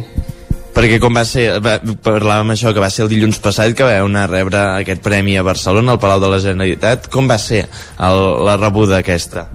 Bueno, va ser una rebuda molt càlida per part de tots, no érem, no érem nosaltres sols, sinó que hi havia eh, molts més artesans reconeguts en altres disciplines o per altres eh, característiques. I la veritat és que és molt agradable poder-nos trobar diferents artesans que tots tenim el nostre petit taller que tots ens hi dediquem des de fa molts anys o, o moltes generacions i poder, poder compartir les nostres experiències, que al final això crea un vincle i fa que, que siguem com una petita família també. Perquè precisament podríem dir que potser l'artesania, veient aquestes grans, uh, aquestes grans empreses, no, no consideres que està passant per un mal moment? Personalment, ara no, consideraria tot el contrari. Crec que el treball manufacturat i el treball artesanal eh, des de fa un temps comença a tenir una revaloració per part de, de certs eh, sectors i de certs clients i penso que mm, totalment al contrari, penso que estem en un, en un bon moment per, per sortir de cara al públic, per sortir a fora, demostrar tot el que podem fer i, i ser competitius perquè a més ara, si, si no m'equivoco, uh, tu personalment fa 8 anys que vas agafar les rendes d'aquest negoci. Uh, llavors, com és que decideixes fer aquest pas i apostar uh, precisament per aquest sector en concret, que potser no és el que les, la, la, la majoria de les persones habitua a fer actualment? No, no, no probablement no ho sigui. Um, si té de la veritat, no, no, no, ho sé, o sigui, no ho sé molt bé tampoc. Sí que um, jo de petit sempre havia estat aquí al taller, uh, havia estat, uh, bueno, in, des de la meva infantesa intentant de donar un cop de mà com jo podia amb el meu pare i amb el meu avi aquí és algo que crec que això es porta també a la sang i, i, i, i són vivències que les recordo molt, molt maques no? llavors el fet de que l'empresa ja estigués muntada també ha facilitat molt que jo pogués eh, seguir amb, el, amb tot aquest llegat i amb tot aquest ofici. I la veritat és que és molt gratificant doncs, um, poder treballar amb la fusta, poder treballar amb els torns, eh, seguir mantenint maquinària molt antiga que la fem treballar i això pues, és, és molt gratificant per mi perquè s'ha de dir eh, que estem aquí en un espai eh, dins de la torneria, estem asseguts aquí en una taula que veiem, és un espai podríem dir més aviat reduït però que eh, està molt ben ordenat. Hi ha totes les màquines per aquí posades. S'ha de dir, tot molt net eh avui? tot, avui sí, avui, avui que és dilluns tot molt net. Tot i així segueix fent la, la clàssica olor de fusta dels, de, de les torneries dels llocs on es treballa la fusta i la veritat és que es veu un lloc molt, art, uh, molt artesà un lloc on es treballa la fusta de primera mà. Um, parlàvem això, aquest Premi Emprèn 2023 uh, te l'han atorgat per uh, adaptar a la torneria a les necessitats actuals del mercat a través de la recerca, el disseny, el desenvolupament de nous productes, la formació i una acurada estratègia de mercat. En termes generals, em sabries explicar una miqueta uh, com ho has fet per treballar tots aquests conceptes perquè hagin acabat sent reconeguts d'aquesta manera? Um, bé, hem hagut de fer ja des de fa 3 anys hem fet una reestructuració completa empresarial. Uh, evidentment les torneries de fa 20-30 anys enrere a dia d'avui i sota una opinió personal meva si no reben un, una reestructuració o un rentat de cara moltes d'elles um, perden competi competitivitat i en aquest cas nosaltres vam decidir per apostar per, per refer íntegrament tota la, tota la imatge de la torneria per buscar nous models de, de negoci, nous productes per poder oferir als clients i la veritat és que crec que estem amb, amb la bona línia perquè de moment ens està, ens està funcionant molt bé. Has de pensar que l'ofici de torner és, és un ofici molt antic, probablement és dels oficis que ha passat per menys eh, reestructuracions i remodelacions, sinó que si nosaltres no haguéssim fet això i ens haguéssim quedat moltes vegades pel que ens coneixen els torners, que fem eh, baldufes i mans de morter, eh, probablement durant, ja fa molts anys que hauríem hagut de tancar la persiana. I per què creus que és important que negocis com aquests? Perquè personalment no sé si coneixes masses torners que continuïn eh, treballant la fusta tan a mà com ho feu des d'aquí o d'alguna manera per què creu que és tan important que es mantinguin aquests negocis? I a més, eh, per què creu que també és important que la gent continuï apostant per a l'artesania? A veure, el fet de mantenir aquests negocis eh, penso que és hi ha una part molt gran de cultura i de tradició popular també. Si aquests negocis han de tancar, crec que com a col·lectiu um, culturalment també perdrem mm, no crec que hi hagin gaires més uh, maneres de, de, de poder-ho definir això. Per mi l'artesania és cultura, és tradició, és patrimoni i si això ho perdem, doncs culturalment també perdem molt com a societat. Perquè des d'aquí la tornaria, quin, quin tipus de productes feu? Perquè abans ens has comentat això, que veu reinventar-vos i que veu fer aquesta, aquesta abans per continuar amb el negoci. Des d'aquí, quin, quin tipus de productes feu? Què és el que hi podem trobar a la torneria?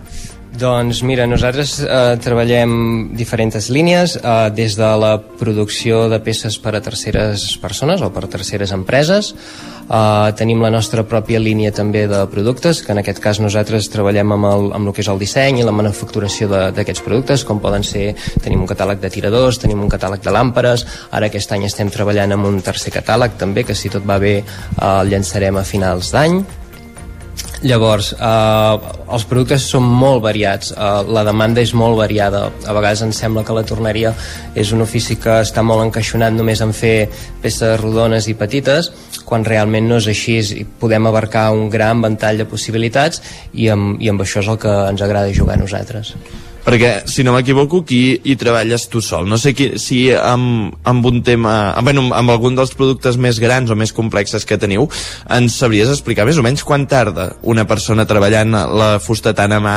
Um, quan, quan es tarda a fer una, una, una peça des d'aquí una torneria? Depèn, depèn del tipus de peça. Si parlem, per exemple, de peça petita, com poden ser tiradors eh, de línies molt bàsiques, estem parlant de minuts amb la producció d'aquests tipus de tiradors. Eh, si parlem de làmperes molt elaborades que requereixen de pantalles també amb, amb teixits, fibres vegetals, com les que oferim nosaltres, estem parlant de feina de setmanes, llavors. Per tant, és, una, és un valor que s'ha de continuar això, treballar molt, molt i molt a mà. Sí, sí, i tant, i tant que sí. Doncs res, Isaac, ja ho veus, aquí a Torelló encara continuen apostant per, el, per l'artesania, per la fusta treballada a mà i, i sembla que de moment es, es continua reconeixent perquè, mira, va guanyar el Premi Empren el 2023 i a veure si, si hi ha més sort i en tenim més. Miquel, moltíssimes gràcies un matí més per acompanyar-nos des de l'exterior i fins la propera. Apa, que vagi bé. Adéu, bon dia. Adéu-siau. Doncs avui hem conegut aquest jove artesà de, de Torelló, en Jordi Pladevall, al capdavant d'aquest negoci, la torneria, i que li ha merescut un premi, el Premi Empren 2023 en el, prem, en el marc dels Premis Nacionals d'Artesania.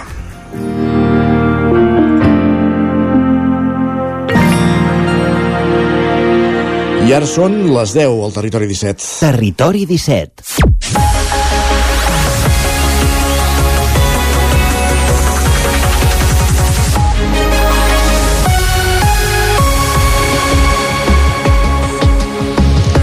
Moment per actualitzar-nos, moment per les notícies del territori 17, les notícies del Vallès Oriental, l'Osona, el Ripollès, el Moianès i el Lluçanès en connexió amb les diferents emissores que dia a dia fan possible aquest programa. La veu de Sant Joan, Ona Codinenca, Ràdio Cardedeu, Ràdio Vic, el 9 FM, ens podeu veure també a través de Twitch, YouTube, Televisió de Cardedeu, el 9 TV i la xarxa més. Els turistes pagaran 10 euros per utilitzar, per utilitzar les brases de la Font del Carol de Can de Bànol. Isaac Muntades, la veu de Sant Joan. A partir d'ara, els visitants de la Font del Carol que no siguin de Can de Bànol hauran de pagar 10 euros per cada grup per utilitzar una de les barbacoes ubicades en aquest espai natural, mentre que els ciutadans del poble ho podran fer de franc. El regidor de Sostenibilitat del PSC, Joan Carbonell, va justificar així la mesura. S'està fent un ús d'unes barbacoes per fer costellades i com tenim molta afluència de gent, sobretot a l'estiu, doncs és un lloc que, que ens crea conflictes perquè la gent l'embrut, no el cuida gaire i, i això ha fet que pensem que necessitem una persona allà per, per controlar-ho Llavors, el, el destinar una de les persones que s'encarregarien de, de gestionar la gent del torrent la destinem en allà, ens hem adonat que o, o ens falta gent o, o destinem menys recursos humans a, a gestionar el torrent i com la segona opció no ens agrada, doncs hem decidit de que la gent que visita la, la Font del Carol doncs pagui per ús de les barbacoes. La idea és ampliar la plantilla en una persona més i aquests diners extra esperen cobrir la despesa. Esquerra va votar-hi en contra per dos motius. Podem escoltar a Toni Riera. Bé, nosaltres el del pagament ho entenem i ho comprenem i ho compartim inclús eh? el que no acabem d'entendre és que a la pàgina web com es farà la discriminació entre la gent de Can Davano i, de, i la gent de fora i a més de la dificultat que representa la bretxa digital per moltes persones d'aquest municipi. Carbonell va respondre-li que la persona encarregada de gestionar l'espai ajudarà a comprar l'entrada a tothom i que de la quinzena de barbacoa se'n reservarà una per la gent del poble per garantir que no se'n quedin sense. Jordi Coc, de gent de poble, també temia per la bretxa digital, però sobretot el preocupava que hi haurà gent de Can Davano que deixarà d'anar-hi per haver de fer la reserva. Que s'hagi de regular de tal manera que haguis de demanar, sol·licitar amb antelació l'ús d'aquestes barbacoes, moltes vegades la gent de Can Davano deixarà d'anar-hi perquè l'ús que normalment es fa d'aquest espai és, és de caràcter improvisat. Després, si has d'anticipar-te a planificar-ho, creiem que, que es deixarà d'ocupar aquest espai o, o d'utilitzar aquestes barbacoes i passarà a ser un espai més eh, com el torrent de la cabana on, on està monopolitzat per, per persones que no són d'aquí. Tot i això, els aclariments de Carbonell van fer virar el grup independent del vot negatiu a l'abstenció. Gràcies, Isaac. La Diputació de Barcelona atorga als propietaris forestals del Moianès i la Vall de la Gavarresa un ajut de 251.000 euros per fer actuacions de prevenció d'incendis forestals. Roger Rams, Ona Codinenca. Exacte, aquesta ha estat la segona associació de propietaris que ha rebut un import més elevat només per darrere de l'entitat del Berguedà.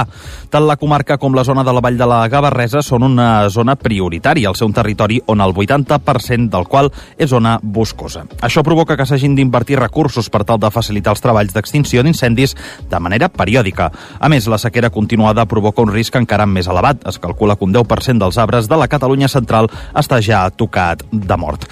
Àlex Torelló és un propietari forestal de Sant Quirze Safaja, al Moianès. No, els propietaris ho tenim eh, pràcticament impossible. Vull dir, sense ajudes és impossible eh, agafar, treure els pins morts de, dels boscos i, i tornar a intentar portar una gestió forestal com Déu mana, però aquests arbres es tenen que treure. I si no és amb una ajuda, és impossible. És una fusta que no té pràcticament valor, eh, vull dir, ja els costos de tallar eh, pràcticament fan desaparèixer el poc benefici que et deixa, Paral·lelament, la Diputació de Barcelona reserva una partida del seu pressupost a la restauració de zones ja afectades per incendis forestals. L'any passat es va treballar en 600 hectàrees a la Catalunya central dels incendis del Pont de Vilomara, Manresa, Sant Pere de Ribes i Santa Coloma de Caral. Parlem ara de la sequera i del risc. Enric Rubio, Ràdio Televisió, Cardedeu, de la desaparició de fons. Així és, Isaac, i més concretament en el cas de la Font de les Nàiades, al Montseny. Ho ha alertat en un estudi al Centre de Recerca Ecològica i Aplicacions Forestals, també conegut com a CREAF, en el que explica com de manera alarmant les fonts de l'àrea del Mediterrani s'estan assecant. L'importància d'aquest fet no rau en la desaparició de la font en si, sinó en el que això comporta, ja que aquests espais humits, tal com diuen ells, són un punt calent de biodiversitat que acullen multitud d'espècies, entre les quals podem trobar una gran varietat de molses, amfibis i crustacis. La causa a la que atorguen aquests succés són les onades de calor continuades que estem patint des de fa uns anys i els llargs episodis de sequera, fets que, juntament amb la contaminació de l'aigua que provoquen l'agricultura i la ramaderia intensiva, els microplàstics i els fàrmacs estan deixant que aquests petits oasis de biodiversitat, en molts casos tocats de mort.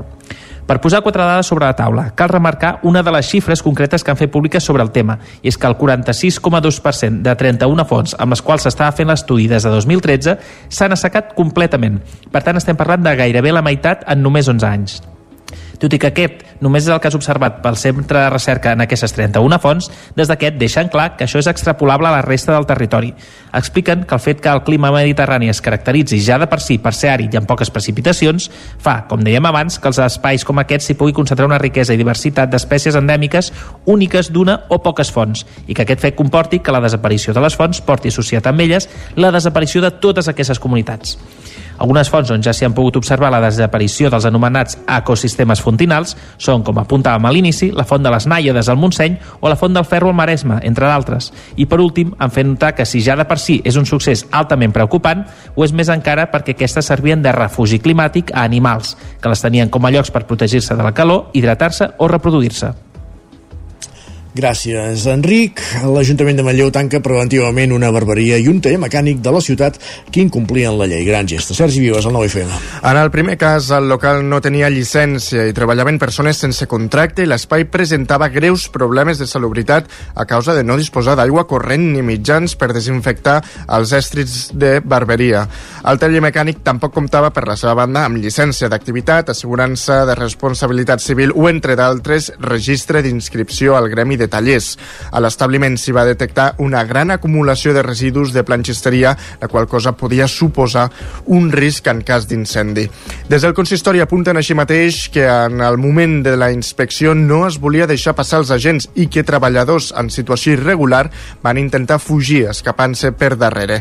Tots dos tancaments s'emmarquen en les inspeccions aleatòries que la policia local ha intensificat des de l'any 2023 conjuntament amb altres cossos de seguretat en funció de les les competències d'uns i altres. L'objectiu, explica l'Ajuntament, és comprovar el grau de compliment de la normativa i sancionar, si és el cas, infraccions amb l'objectiu de protegir les persones usuàries dels serveis. Perdó.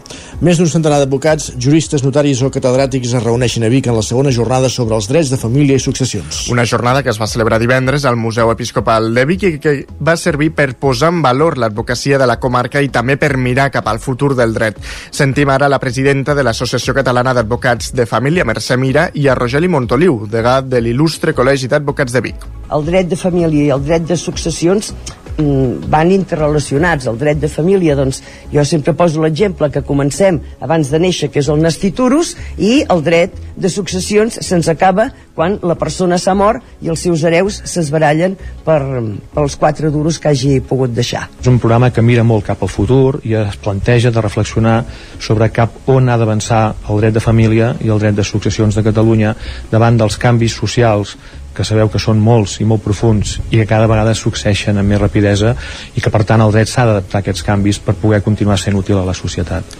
I és que en el món del dret no tot està escrit, hi ha una part molt subjecta a la interpretació.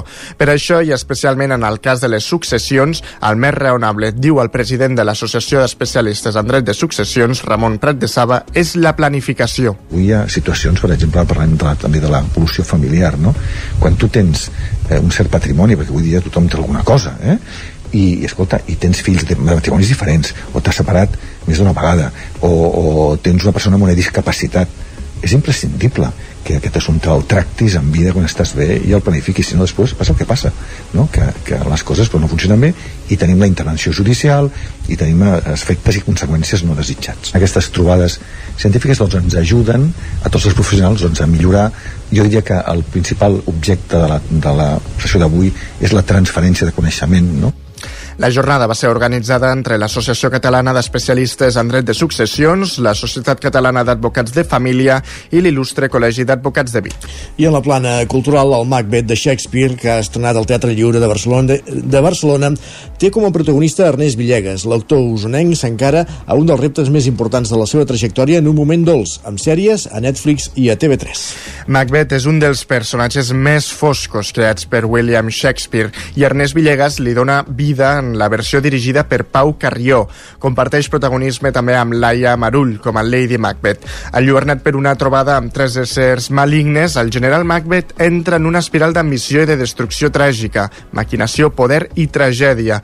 Un repte per a qualsevol intèrpret. Ernest Villegas. Parla de desconfiança, parla de l'afany de poder, de quan el tens què passa, com el gestiones està clar que ell no el gestiona tot, li apareixen tots els dubtes, dubte de tot el que l'envolta, fins i tot dubte de la seva dona. Ho fa tot amb por, és a dir, governa amb por. Quan governa amb por se sent eh, atacat, violentat, eh, ferit, agredit per tot arreu. Això pot generar una bogeria de dubte i de descontrol que fa que ja no pugui aturar cap dels seus actes. A l'obra, que es podrà veure fins al 23 de març, també hi participa un altre actor zonenc, Moja Amazian, que debuta al Teatre Lliure. A Villegas, però, el podrem tornar a veure d'aquí poc a les grans pantalles perquè s'estrena La abadesa d'Antonio Chavarrías, pel·lícula que parteix de la història de l'abadesa Emma, on hi ha tingut un paper destacat potser parla de la primera feminista, no? que va haver-hi una dona, la, l'abadessa que va tenir la, la Emma, que va tenir la, la voluntat de, de voler canviar moltes estructures en un món molt, molt d'homes. Jo crec que pot ser molt interessant perquè l'Antonio Chavarrías ha volgut fer una pel·li eh, amb molta personalitat, eh, eh, rodat amb unes condicions bastant bèsties, heavies. Ell no suportava els bons dies, necessitàvem boira, neu, eh, mal temps. Ara la pel·lícula s'estrena al Festival de Màlaga i el 22 de març als cinemes.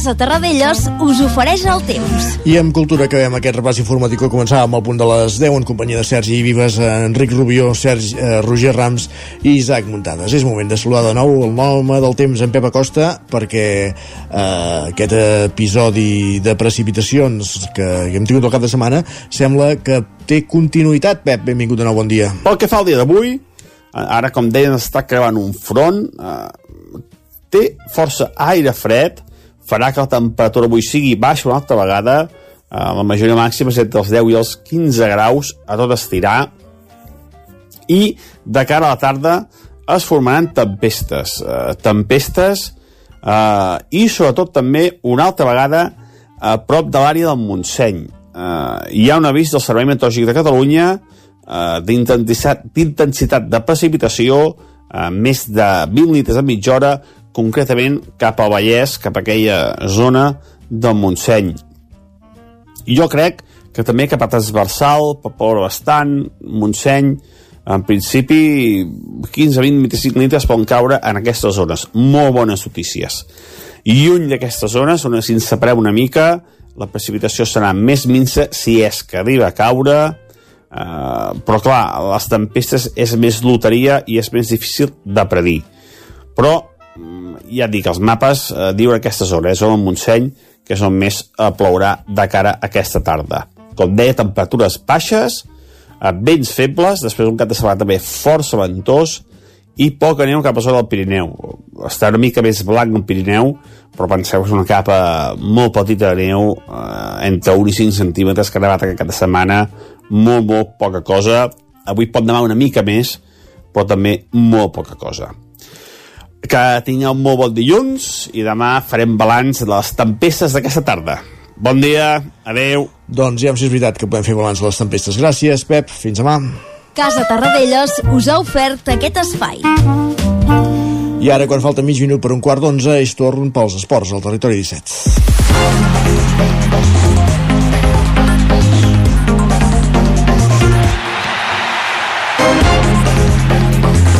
Moment de fer la roda esportiva per les emissores del territori 17 per saber com ha anat el cap de setmana esportivament parlant entre els equips i esportistes de les nostres comarques. Si no ha quedat ben entès, parlem d'esports. Enric Rubio, benvingut, bon dia. Bon dia i estic content, Isaac, estic content. A Cardedeu estan contents, per què?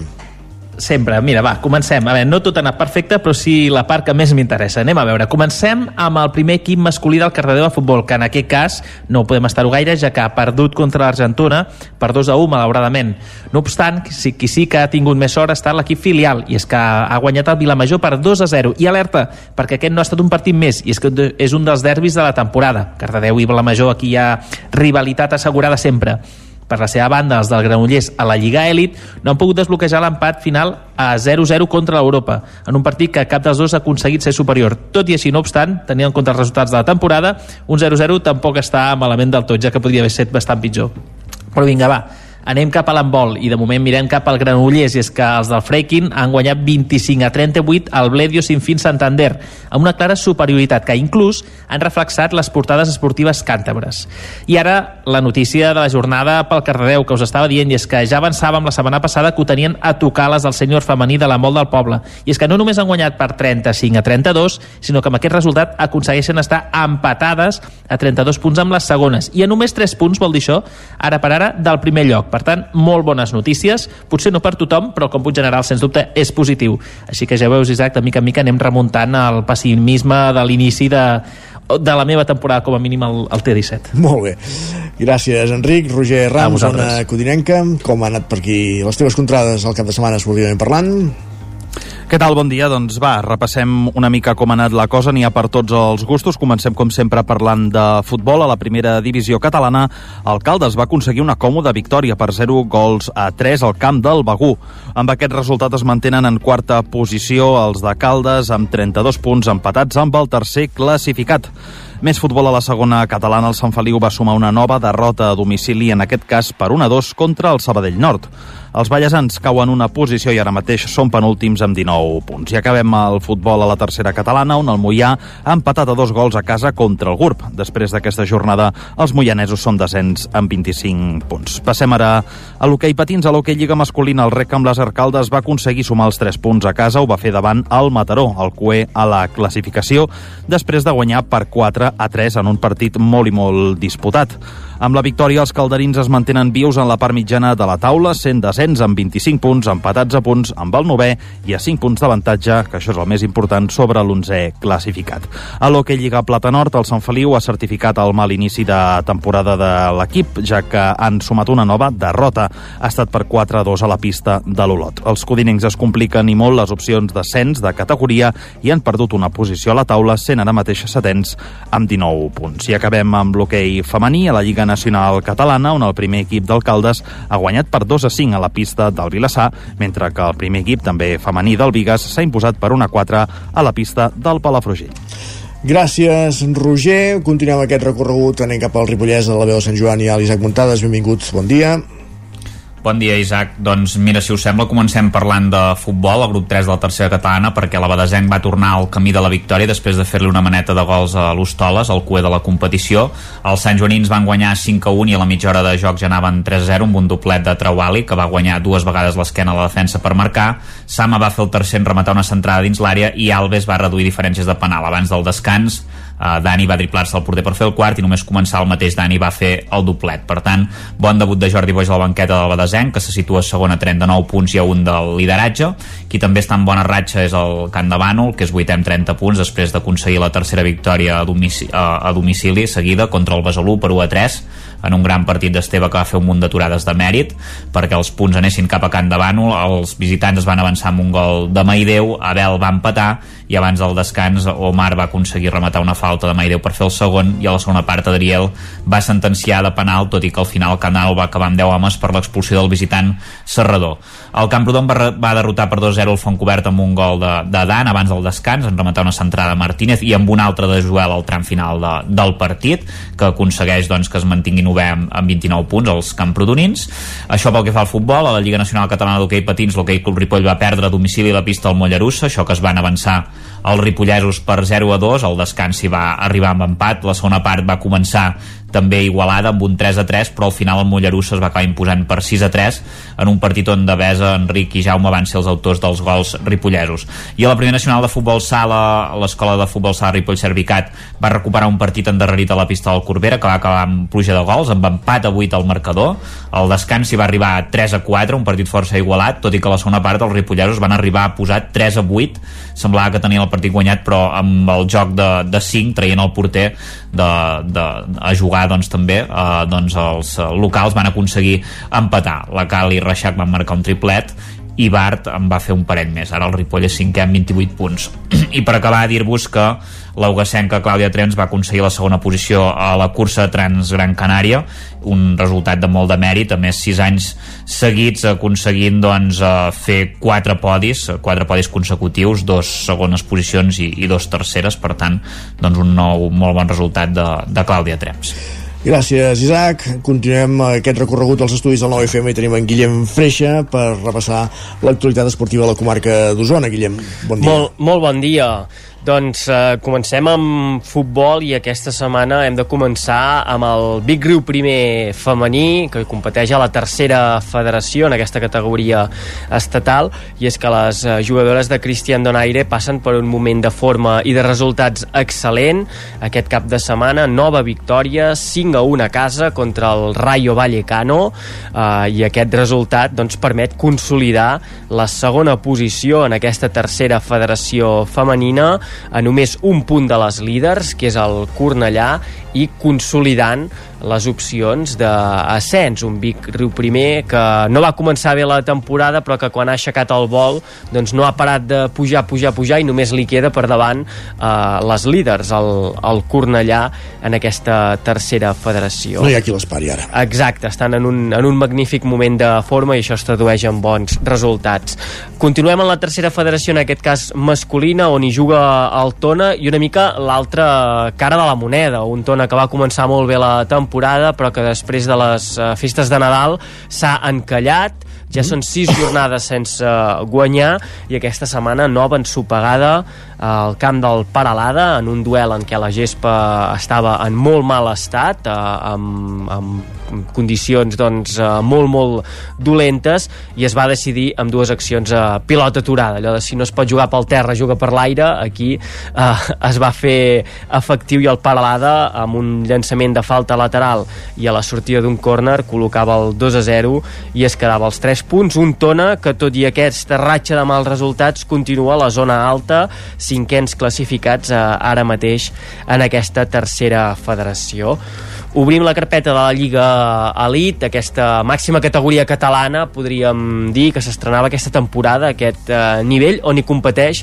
la Unió Esportiva de Vic i aquesta jornada victòria de prestigi uh -huh. dels de Ramon Carrascal, els visitava el Sabadell B, el filial Arlequinat, eh, que es presentava a l'Hipòlit Planàs de Vic en segona posició, fent un futbol molt atractiu durant tota la temporada, amb jugadors joves, amb projecció de molt nivell, i el Vic va saber fer molt bé les coses per aixugar aquest bagatge ofensiu i eh, quedar-se els 3 punts. 2 a 1 en un duel en què es van concentrar els 3 gols en només 6 minuts i just abans del descans. S'avançava el Vic, al cap d'un moment empatava de nou al Sabadell B i encara digerint aquestes dues dianes tan ràpides doncs era Flavio qui amb una rematada per l'escaire situava el 2 a 1 eh, final. A la segona part el Vic sí que va fer molt bona feina en defensa, va centrar els esforços en, en defensa i li va sortir bé la jugada per quedar-se eh,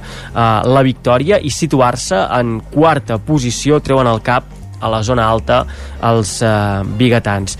Anem a la primera catalana i això és eh, sinònim de domini manlleuenc. Sí, eh? perquè aquests sí que fa dies que estan Sí. en molta ratxa. Exacte, uh, van arribar a la primera posició doncs, en les primeres jornades de Lliga i ja no l'han deixat. Aquesta setmana, 3 punts més cap a, al calaix dels de Manel Sala, 2 a 0 contra el Roses, en un eh, duel en què les dues dianes manlleuenques les va transformar Toni Rossell, un partit que es va resoldre amb una diana just abans del pas per vestidors, en el minut eh, 36, o a les acaballes de la primera meitat, i el segon gol tornant de el descans, tornant de la mitja part, de nou Rossell, en aquest cas de penal, situava el 2-0 i el que dèiem, eh, un Manlleu líder de la classificació, 43 punts, n'hi treu 10 a l'Argentona, que és el segon classificat, per tant, eh, de moment es van posant els fonaments sòlids perquè el Manlleu pugui fer un pas endavant i pugui pujar de categoria i pels interessos unencs es pugui recuperar, per exemple, el derbi eh, Manlleu-Vic, això si el Vic no, no acaba pujant, que també encara està en aquesta zona alta de la, de la classificació. Obrim apartat de hoquei patins i ho fem amb la Copa d'Europa femenina, on el Manlleu, el Martinelli a Manlleu, tancava el seu passi per la fase de grups, ho va fer amb golejada, 11 a 1 contra Carai. el Cotrà eh, francès, una golejada que les deixa, això sí, a l'expectativa del que passi en l'últim duel d'aquesta fase de grups entre el Corunya i el Cotrà, en cas que el Corunya doncs, eh, puntuï, guanyi, eh, serà l'equip que passarà en els eh, quarts de final. Per tant, no depenen d'elles mateixes les manlleuenques que eh, van ensopegar contra el Corunya en el primer partit que jugaven contra les gallegues, en el de la tornada no van poder superar l'avaraix directe i això les fa eh, dependre doncs, d'aquest eh, partit. Pel que fa a l'hoquei masculí, ensopegada del Voltregà Movento Estern, que tanca un període de molt bons resultats dels voltreganesos, van caure Igualada per 4-1 i en la hoquei plat, aquesta segona categoria de l'hoquei patins estatal, victòries pel mateix resultat 7-2, tant del Vic com del Martinelli a Manlleu en la hoquei Lliga en el grup nord sí. i pel que fa al grup sud doncs el sotrac de resultats, aquesta mala dinàmica del Taradell que continua i aquesta setmana a la pista del eh, Congrés els taradellencs no van poder superar, de fet van tornar a deixar la porteria 0, la seva porteria 0 no van poder marcar cap gol. 4-0, derrota Carai. dels taradellencs que entrena Jeff eh, Rovira que com dèiem ja s'han allunyat d'aquestes primeres eh, posicions. El Taradell és eh, ara mateix setè, eh, lluny de la zona capdavantera en l'altre grup, el Vic és segon i el Martinelli a Manlleu sisè, això sí, eh, el Vic enganxat al, al primer classificat Gràcies, Guillem. Adéu.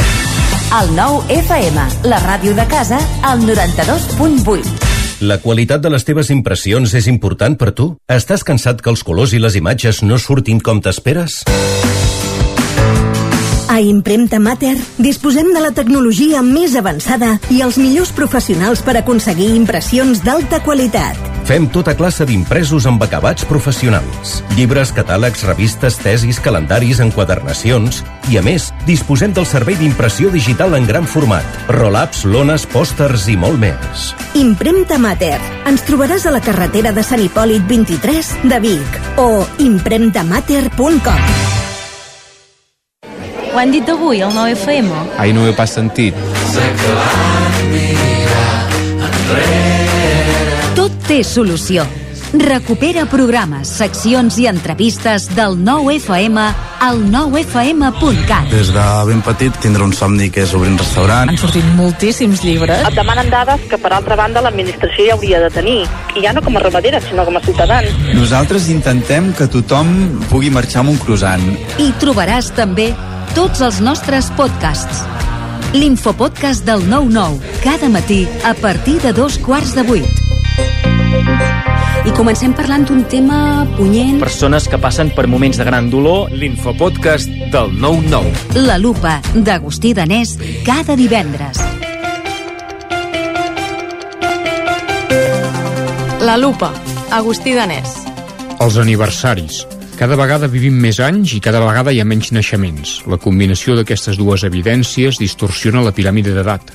Paraula d'enfruns, el nostre podcast de llengua cada dimecres quan escoltem ho fem voluntàriament i en canvi sentir, podem sentir moltes coses encara que nosaltres no vulguem. Bruixes del dia, el podcast de dones i bruixes de Laura Centelles i Maria Saladic. Estàs escoltant Bruixes del dia. La meva relació amb la mort és totalment diferent perquè jo morts, diguéssim, físiques d'un cos n'he vist crec que una a la meva vida. Feeling the Cinc, l'actualitat de casa nostra en anglès. Hello and welcome to Filling the Sink, a podcast from Catalan News. My name is Lucia I també tots els relats finalistes del concurs de narrativa curta del 9-9. He despertat a mig de la foscor. Tinc la boca seca i els ulls El 9fm.cat, la ràdio en línia i els podcasts del 9FM. Anuncia't al 9FM. La màquina de casa. 9 3 8 8 9 4 9 4 9. Publicitat arroba al 9FM.cat. Anuncia't al 9FM. La publicitat més eficaç. El 9FM. El 9FM. El 9FM. En punt dos quarts d'onze al territori 17.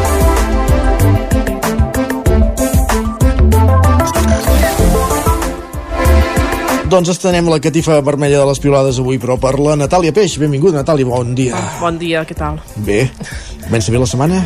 Sí, venint d'aquest cap de setmana en què la meteorologia ha estat notícia, sí. eh, sense anar més lluny, per la calamarsada que va suposar el tall a l'AP7 i a la C25 i que ha portat cua pel que es considera que va ser una mala gestió de, del Servei Català de Trànsit.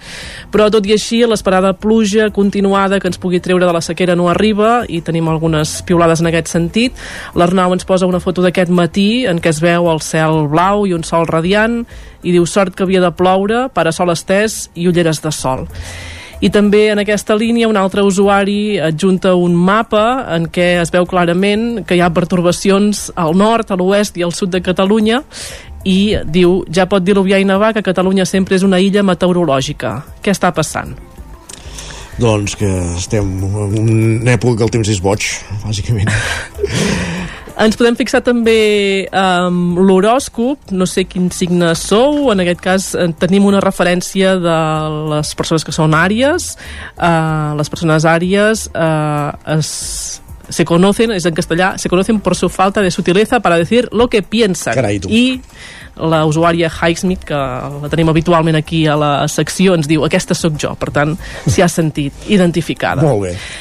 Uh, des de Manlleu, en Ferran ens diu ahir el casal Boira Baixa va arribar a 300 sòcies, que no és poca cosa, és fruit de la constància, de 21 anys d'organització, d'un nou casal que cada dia està més a prop i d'un poble que ens ha fet confiança i també en aquest sentit de celebració podem dir que avui les escoles Badruna estan d'aniversari, hem trobat algunes piulades dels centres de la zona del territori 17 en aquest sentit, estem de celebració som una escola en presència en molts municipis catalans, en passat, present i molt de futur uh, això ens ho diuen des de Torelló i també a Manlleu fa 198 anys que el projecte de Santa Joaquima va iniciar-se per molts anys és aquest aniversari, el 198è de la congregació que es compleix avui. Gairebé 200. Exacte. D'aquí dos, d'aquí dos anys. Del, del bicentenari.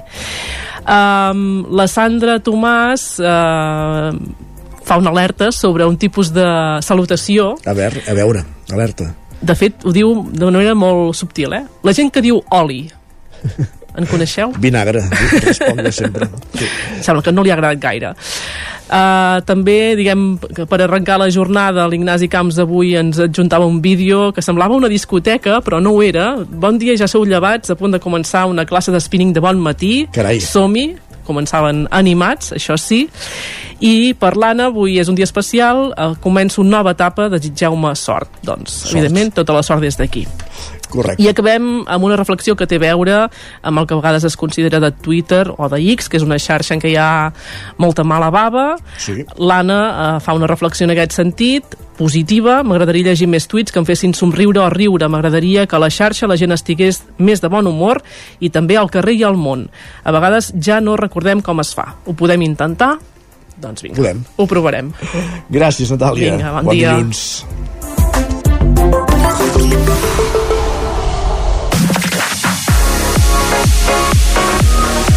Territori 17. I ara serà torn al territori 17 quan passen 4 minuts de dos quarts d'11 del matí per la tertúlia esportiva.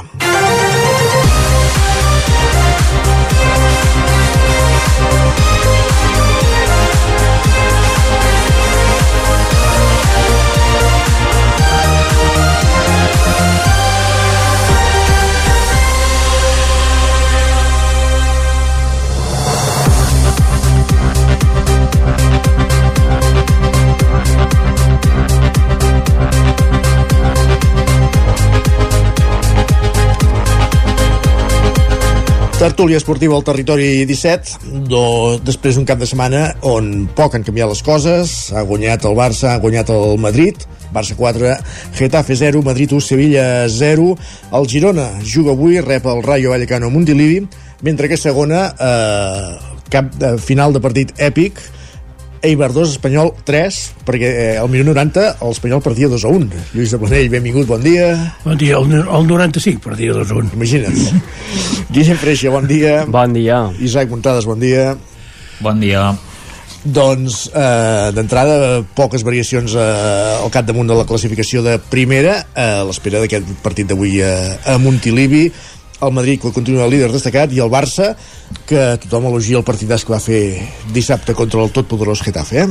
Sí, no, el totpoderós no, sí que és veritat que el Getafe eh, aquesta temporada doncs, torna a ser el Getafe de, de Bordalàs no? en, en el sentit eh, ampli i ja no vull centrar eh, en de si fan moltes faltes o no fan moltes faltes però sí que és veritat que el Getafe en Bordalàs va tenir una època doncs, molt bona el puja de, de segona el, crec que el porta no sé si a Europa pràcticament el, el fa competir molt bé a primera divisió després Bordalàs fa diversos projectes que no li surten bé i el Getafe se'n ressent perquè a primera eh, crec que no li va anar massa bé aquelles temporades es va salvar però ja no era el mateix. I ara ha tornat a agafar doncs, això no, la, la, la idea va aquesta. baixar un any i tot. doncs, eh, clar, ara ha agafat de nou aquesta solidesa, aquesta fortalesa i sí que és important més enllà d'elogiar el partidàs del Barça que òbviament es va jugar bé però ara tampoc n'extraurem conclusions precipitades ni, ni canvis de, de tendències no, però sí que és important que el, el Barça va competir contra un equip que històricament o en els últims anys, si més no se li havia eh, encallat una mica no? el, el Getafe de, de Bordalàs en, en concret De totes maneres, algú va dir si entrenava en Paco Gémez el, el Getafe perquè jugava amb la defensa avançada sí. cosa que en, Bor en Bordalàs és, és, és gairebé Estrany. inèdit Mm -hmm. perquè sempre eh, juga molt protegit i semblava que, que en- anava al Camp Nou a, a jugar de tu a tu i llavors eh, anar al Camp Nou no, no, no el teniu No, és Eh, el, el Montjuïc. Montjuïc ara, sí. però el, si vas a, contra el Barça a jugar de cara a cara i sí. dius Getafe doncs et pot passar això Sí, és curiós i de fet em sembla, ell a la roda de premsa ho diu, eh, que és dels pitjors partits que, que recorda uh, amb, amb el Getafe i és una raresa això, no? que tenint en compte que ell sempre ha tingut aquesta estratègia aquest posicionament de, de protegir-se, de tancar-se que fes aquest, aquest plantejament i el Barça bueno, recupera provisionalment la segona posició a l'espera del que fa així no? el, el, el Girona mm, venim també de la Champions de mitja setmana amb el Nàpols que es va fer, jo crec que es va fer una primera part bona en què no hi va haver recompensa i una segona en què l'equip eh, no sé si va patir el cansament o potser el fet de no estar acostumats a anar a una tensió tan elevada durant tants minuts però sí que va anar de, de més en menys no? després del gol eh, un Nàpols que tampoc no ara mateix no passaria la història del món del futbol no, no. Uh, bueno, va sortir viu i tot obert per la, per la tornada ahir va tornar a empatar el, Nàpols sí, clar, és que... Que eh, està, està francament malament mm. i es va veure una, una gran diferència que el Barça no va saber consolidar el marcador i bueno, s'haureu de jugar tot el partit de tornada sí. de totes maneres si el Nàpols no canvia de, com un mitjó cosa que no em fa la impressió doncs no, penso que no tindreu cap sí. problema l'únic que amb, aquest, amb la dinàmica de tots dos equips és allò que es fa difícil de d'establir una tendència, no? perquè pots dir ostres, el Barça va ser molt superior a la primera part aquí al Camp Nou com serà que no els passis uh, bueno, sí i no perquè el Nàpols també és allò bé aquí ja com mig venut no? de, estan en un mal moment uh, a l'anada el Barça va demostrar que podia ser superior vull dir, amb poc a perdre, a més un equip italià uh, bueno, que igual s'hi sent còmode no? en aquest paper de de llop amb pell de xai, no, es diu, um, s'hi pot trobar còmode. Un Barça que jo crec que va fent espornetes de, de, de bon joc, veurem ara fins a on es consolida i fi, fins on arriba, si serveix per, per arribar i consolidar la segona posició, per posar pressió al Madrid en cas que el Madrid eh, ens supegui en alguna jornada de les, de les que queden mm, no sé, complicat, jo veig que, el, que el Madrid ens supegui complicat uh, d'aquí a, a final de temporada o que ens supegui tant com perquè el puguin atrapar els, els perseguidors que hi ha a, a darrere. Mm, aquesta setmana va estar a punt però no, final no. De moment el Madrid està fent una segona volta millor que la primera perquè porta dos punts més amb els mateixos rivals que la primera volta, per tant amb això ja, ja anem millor i va guanyar un equip doncs, que aquest any no està en el seu millor moment però que és un dels grans d'Espanya com és el Sevilla. Mm. um, en el cas del Barça clar uh, aquests bons partits o aquests bons resultats sobretot s'han donat contra equips que teòricament doncs, no serien els més punters de, de la Lliga no? estarem d'acord que ni, ni el Getafe de Bordalàs, per molt que sigui un Getafe més reconeixible a l'entrenador, que per cert l'entrenador va reconèixer que havien fet el pitjor partit de la temporada, sí, sí. ja és mala sort i casualitat que sigui el dia del Barça, quina pena no? però bueno, sí, sí. Va, ser, va ser aquesta casualitat però clar, ha jugat contra el Getafe contra l'Ossassuna, contra l'Alavés contra el mm. Granada, que en aquest no, no veu aconseguir empatar, contra el pitjor Villarreal dels últims anys que us en va fotre 5 a casa contra un Nàpols en descomposició que és incapaç de guanyar un partit a la Lliga Italiana després de guanyar la Lliga l'any passat irreconeixible, em sembla que van novens desens, o sigui, sí, sí, no entraran ni a, la, ni a la Champions clar, el Nàpols mm, el resultat eh, bo no és, perquè...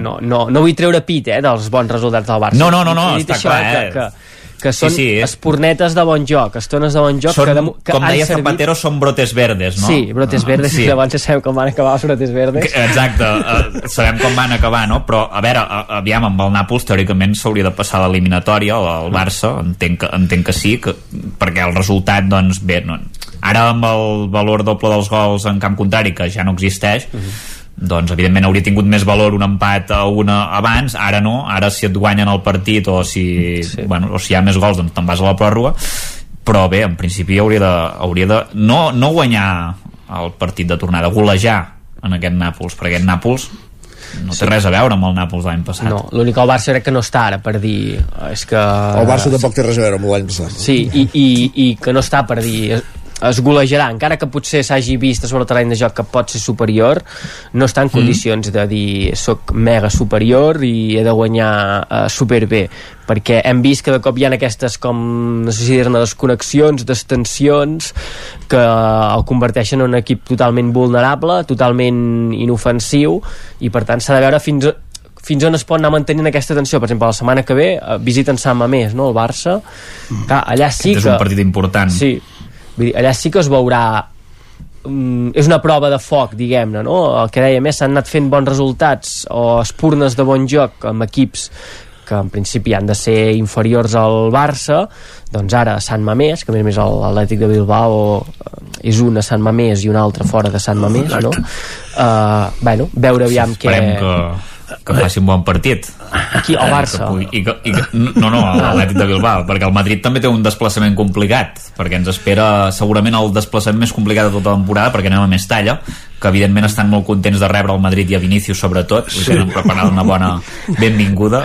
No sé si deixarem entrar les càmeres per gravar la sèrie de Netflix que està fent Vinícius eh, aquest any però des, clar, l'última vegada que es va anar a aquell camp doncs va acabar la cosa bé si us recordeu per tant ens esperen i, i és el partit de la temporada per ells contra el Barça no, eh? contra el Barça el partit poden perdre, no passa res, però contra el Madrid, aquests equips, Sevilles, Valències, Atlètic de Madrid, és el partit de la temporada. Sí, bueno. Quan juguin contra el Barça, ja ho veureu que aquests equips faran un bluff vull dir, això sempre passa, cada, cada any passa el mateix més talla però sí, sí. quan rep el Barça però com també. pot ser que estan allà tot ploris d'aquesta manera sí. home, que si ho teniu tot fet ja gaudeix no, però, del no, ploro, no ploro però, però, però, és, veritat, però és veritat que, ostres, uh, sap greu és, i, i a més a més ja amb, amb els arbitratges que estem tenint últimament perquè el Barça si, intentar acostar el Barça a la classificació que és descarat, vull dir, ara ja i el pobre Girona el pobre Girona ja deuen estar pensant, ostres, però és que és increïble, cada jornada el mateix.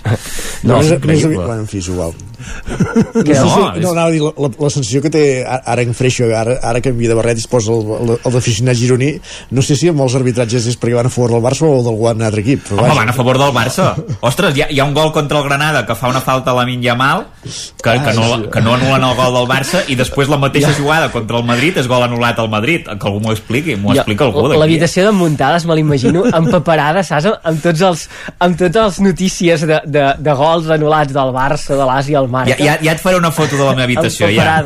ja. Ja et faré una foto de la meva habitació, de la paret. Però sí, hi ha, hi ha, hi ha pòsters, eh? Sí, això t'ho puc garantir. No, jo no. Jo de totes no maneres, perdona, la, la, la vermella, el, el petit dels Williams, sí. eh, ahir... Ostres, això és, Sí, sí, sí. És Com a mínim és rigorós, eh? Bueno, jo en sé d'un que aplaudia i no el van expulsar. Li van ser una groga per protestar, va aplaudir i no el van expulsar. No, no, i, li estan... i no és del Barça. I no és del Barça. I li estan gravant una sèrie de Netflix. Va, que te n'estàs morint de ganes. No, amb Vinícius, però, sí, no. però... Ah, bueno. No, no, però... No passa res. No l'havia Però Vinícius està perseguit. No, no. Per qui? per, per la Lliga, per tothom, tothom va en contra de Vinícius. No, però... Està clar. Ell Van a buscar-lo cada partit, és ell, normal que se tingui una tolerància més gran. Ell mateix va contra d'ell, eh? Sí, ja que bueno. ell és el seu pitjor uh, allò, enemic, no? Quasi bé. No, clar, és el que dèiem a vegades també dels criteris arbitrals. No? Em sembla, a més, em sembla que és el mateix àrbitre, no?, que va fer la d'en Vinícius, que li ensenya groga per protestar. En Vinícius aplaudeix i no l'expulsa i en canvi ahir uh, l'expulsa crec que fins i tot és el mateix àrbitre ara no voldria sí, sí. equivocar jo vaig veure un tuit que deia en aquesta línia que era el mateix àrbitre sí. és que ja tornem a estar amb allò dels criteris no? ostres, uh, què ha passat no? des de llavors fins ara que, que aquest àrbitre ha fet un retir espiritual i ha reflexionat i ha dit que quan l'aplaudeixen ha d'expulsar la gent Poder sí, home ja seria hora que els àrbits no, no tinguessin la pell d'an fina i a la mínima que els hi diuen alguna cosa, ostres, si t'aplaudeixen és que pot ser que t'estigui aplaudint perquè ho has fet bé no és que crec. això no ho pots deduir Guillem en aquest cas poder no, eh? però ostres, no sé, una mica la pell tan, no tan fina pels àrbits, home, que, que prenguin una mica a, a entomar els cops, no? L'altra cosa és que ahir el, el Madrid-València, el, el Madrid-Sevilla, perdó, mm. el va acabar un àrbitre de, de primera federació. A lesió, no?, del de l'àrbitre. Vull dir que, esclar, no sé quin sí. criteri segueixen que, eh, que el cart àrbitre normalment no, no ha de xiular. El partit és evident, però és que si, si la lesió de l'àrbitre en lloc de produir-se quan faltaven 20 minuts es produeix a la primera part, resulta que un partit d'aquesta importància l'àrbitre, un col·legiat, que en teoria no està preparat.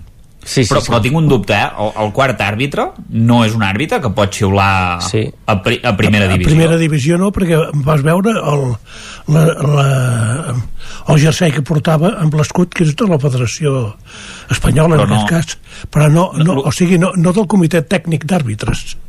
Uh -huh. però no acabo d'entendre perquè llavors, per exemple, eh, quan un àrbitre es lesiona, que és el que va passar ahir, si has de treure un substitut o sigui, l'ideal que hauria de ser de, un dels línies hauria d'haver fet de primer àrbitre, però llavors igualment aquest no, tampoc estan preparats. De línia. Tampoc estan preparats, oh. perquè són línies de... Mm. Vale, llavors o, o àrbitres assistents que diuen ara. O sigui, vale, eh... doncs això és, això és culpa de la Lliga, per tant això de les impugnacions dels partits i això que he sentit no, no, no procedeix, és culpa de la Lliga per no tenir un àrbitre substitut, no? Estarem d'acord, no? Jo, jo diria que sí, que, que, el, mm. esclar, que, que de lesions se'n produeixen eh, jo no, no en recordo gaires no, més no. Eh, de, no, fins al punt que hagin de plegar no, bueno, que hagin de dir tu no sí, puc més exacte. algunes sí que n'hi ha hagut però poques, poques, no és habitual que, però el que semblaria lògic és que bueno. el quart àrbitre fos un àrbitre sí, sí. Aquesta setmana recordem que hi va haver un altre, no va ser l'àrbitre principal, sinó un assistent que també va haver de marxar amb, amb, sí. amb Camilla, no? l'assistent la, la, del Betis, no? que es va donar un cop contra la càmera sí. i la van haver de retirar. No sé llavors qui va substituir-la com a línia, teòricament devia ser el quart àrbitre, també, o... Hosti, això, això sí que no ho sé. Ho Però sí que és raro això, no? Que un partit de primera sí. divisió, a més a més, amb tots els respectes per tots els equips, però un Madrid-Sevilla, no? Que podríem dir és un... I amb 0-0. Sí, amb 0-0, que és un, un partit, diguem, de cap de cartell de la jornada, que com a quart àrbitre, eh, posant sobre la taula aquestes possibles opcions de que si es lesiona hauria de sortir ell, acabi sent un, un, un àrbitre de, de primera federació i no buscar altres opcions. Ja no et dic eh, que el perfecte seria un altre de primera divisió, però un, mm. un dins la Lliga de Futbol Professional, no sé, a segona Suposo divisió A igual... Suposo que tenen tants de primera divisió, no? Perquè clar, hi ha els del bar que han d'estar al sí. bar, més els, sí, els que sí, es van clar. desplaçant cada jornada, poder és una falta de de previsió, no sé. És que jo diria que més, seria més normal que al barri hi hagués un àrbitre de, de primera federació sí. i al camp hi hagués un àrbitre eh, de primera divisió sí. que no pas al revés, perquè les càmeres no enganyen. O jo no sé si fa gaire si això ja s'ha fet des de que es va ficar tot això del bar, però potser fer un raonament de dir, tu, hem d'ampliar la plantilla d'àrbitres i que no sé, que durant un any, igual que es fan reestructuracions en les categories, doncs que pugin més àrbitres de, Exacte. de, de primera divisió, no? que, que arribin a, a dalt. Però si veieu la foto de la samarreta de, de l'àrbitre... És diferent, no? És diferent, vull dir que és, és eh, bé, un cas que... Semblava una disfressa, semblava una persona de carnaval que s'hagués disfressat d'àrbitre i que va sortir a jugar una mica, eh, també. No, eh, vull dir que sí. i en aquesta vegada no va passar res, perquè no, no, no hi ha cap noi, jugada... El noi va estar bé i cap problema. Sí, sí. Però, esclar, mm, Mm -hmm. se'n podia haver liat una de grossa sí, sí. i vés a saber com, però, això, però veig, que, anat. veig que és l'habitual, eh? ara llegia una informació que diu que el motiu és que els quarts àrbitres de primera i segona sempre són col·legiats de la divisió de bronze Sí, l'únic és això, eh, que clar, acabes, pots acabar donant una responsabilitat a, a un àrbitre que com, mm. diem, no, no sé si no està preparat, però que no té la formació reglada per uh, estar allà, uh, és, és evident que llavors potser ho fa tant o més bé que un de primera divisió, eh, quan sí, el poses a, allà dalt. Sí, doncs sol passar, no?, que normalment ho fan millor. Sí, bueno, suposo que si, si, si més no no estan tan contaminats, potser. El que passa que no és el mateix. Mm. L'ambient que hi ha al camp de, del Badalona Futur sí, sí. que al camp del Madrid. Sí, sí. No. sí. Eh? Més que res perquè no hi ha ambient, no?, en el primer. I, exacte. I en el segon... Sí. Per començar, juga Vic, l'equip en qüestió. Eh? Exacte. Sí, exacte. No, per, això, ja. per això anava, vull sí, dir que, és clar, eh, els 150 que hi han un... és, és, és segona federació, però n'hi ha 150. Sí, sí. Mentre que al Bernabéu ahir no sé si n'hi havia 80.000. Sí. I és clar, la impressió que et dona eh, en, en, un, en un lloc com un altre, doncs, doncs t'ha de condicionar, o et pot condicionar. I el tracte amb els jugadors, no? Perquè no és el mateix que et vingui a, a protestar en, en, no sé, en Marc Pujols de l'Olot, per dir alguna cosa, eh, que que et vingui doncs, Sergio Ramos a pressionar-te i a dir-te tu... Eh, I en Rudi Rudiger, eh? O Rudiger. que en aquest sentit jo crec que... O que t'aplaudeixin Vinícius. Exacte. No, però vull dir que el, el, la, el diàleg entre àrbitres i jugadors de primera divisió, jo crec que tot, els jugadors coneixen els àrbitres i els àrbitres coneixen els jugadors i hi ha aquesta part de, de, de respecte mutu. Si al davant hi tens un àrbitre que no saps ni el nom ni sí, sí. res, i en canvi l'àrbitre sí que té com molt fins i tot idealitzat la persona que té davant, doncs, ostres, uh, és, és, és sí, una situació sí. Però, complicada. Després de l'Espanyol hi ha un altre tema important, entenc jo d'avui, que és el Girona. Sí, sí. Perquè, esclar, es pot posar segon, Sí, sí. I també haig de dir que eh, gràcies a sí, sí. en, en Guillem i als seus carnets avui seré Montelivi. Ep, alerta!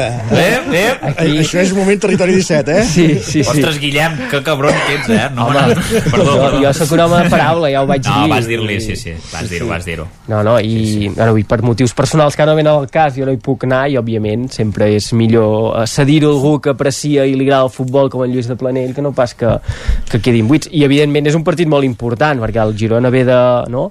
d'uns partits en què no han sortit les coses amb, amb rivals doncs, molt potents, el Madrid, l'Atlètic de Bilbao el Barça ja se t'ha posat segon uh, bueno, acabar de consolidar tota aquesta bona temporada que el que dèiem, eh, tot el que vingui vull dir, serà de més perquè el Girona a principis de temporada aspirava a salvar la categoria i, i res més però ara ja és aquell coquet de, ostres, no, jo, a més diria que amb la derrota del Bilbao d'ahir les opcions del Girona són encara molt més sí, àmplies però fins i tot aquesta segona posició no? ja és exacte, com allò mm, tu ja que són allà dalt que quedin segons sí, sí. Mm. l'única cosa que em preocupa a mi és que la Federació Espanyola de Futbol rebrà 5 milions d'euros menys uh mhm. -huh. si el Barça no va a l'Aràbia Saudí exactament o sigui, sí, l'acord sí és que si no es classifica el Barça o el Madrid, eh, llavors l'organització paga 5 milions d'euros menys. Per sí. això aquests arbitratges sospitosos, Lluís, en els últims dies,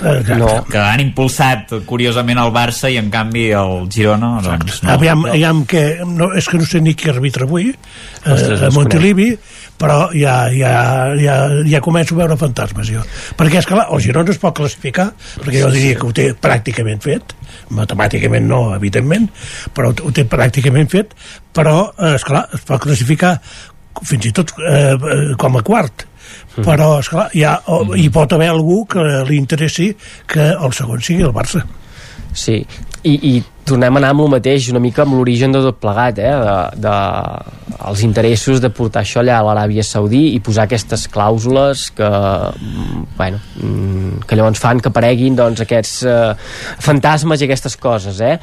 No sé, uh, jo crec que s'hauria de... Si es vol anar a fer un partit d'exhibició allà, es va fer un partit d'exhibició, o com fan la NBA i la NFL, que uh, un cop l'any hi han dos equips uh, allò franquícia que van a fer dos partits a París o no sé sé on, però això d'emportar-se competicions i condicionar qui es classifica amb els diners que reps, eh, jo crec que és embolicar la troca i, i fer si aparèixer... Una, si és una competició oficial, sí. hi han d'anar els que els hi toca. Sí, sí, sí, I si total. els toca el Granada i el per Cádiz, això, doncs els hi sí. toca el Granada i el Cádiz, i ja hi està. Però per això ho dic, eh, de posar aquestes clàusules tan recargolades de si va al Barça 5 milions menys, perquè llavors sí que estàs donant a peu ah. a que es pensi que, hosti, tu, a la federació per 5 milions, igual si un lloc sí, ha de sí. xiular un mig penal que no acaba de ser mig penal, doncs eh, bueno, passen, passen, trobar, saps? Ens podem trobar que l'any que ve eh, la Supercopa en una semifinal sigui Mallorca-Girona, per exemple, eh?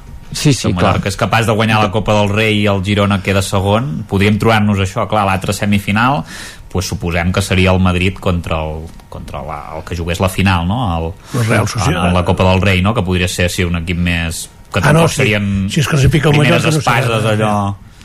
No sé, aviam, aviam si l'Atlètic de Madrid és capaç d'arribar a la final, perquè si o pot arreglar una mica, perquè Bilbao, no? Suposo que alguna cosa també hi donen, i la, o l'Atlètic de Bilbao, que seria Sí, sí, sí, que et pots trobar un Atlètic de Bilbao, un Mallorca, un Girona i un Madrid, no? Allà a l'Aràbia Saudí. Ah, sí, Està sí. bé, bueno, és maco, Girona, mira. El que passa que si el Bilbao guanya la Copa del Rei també va a la Champions, no?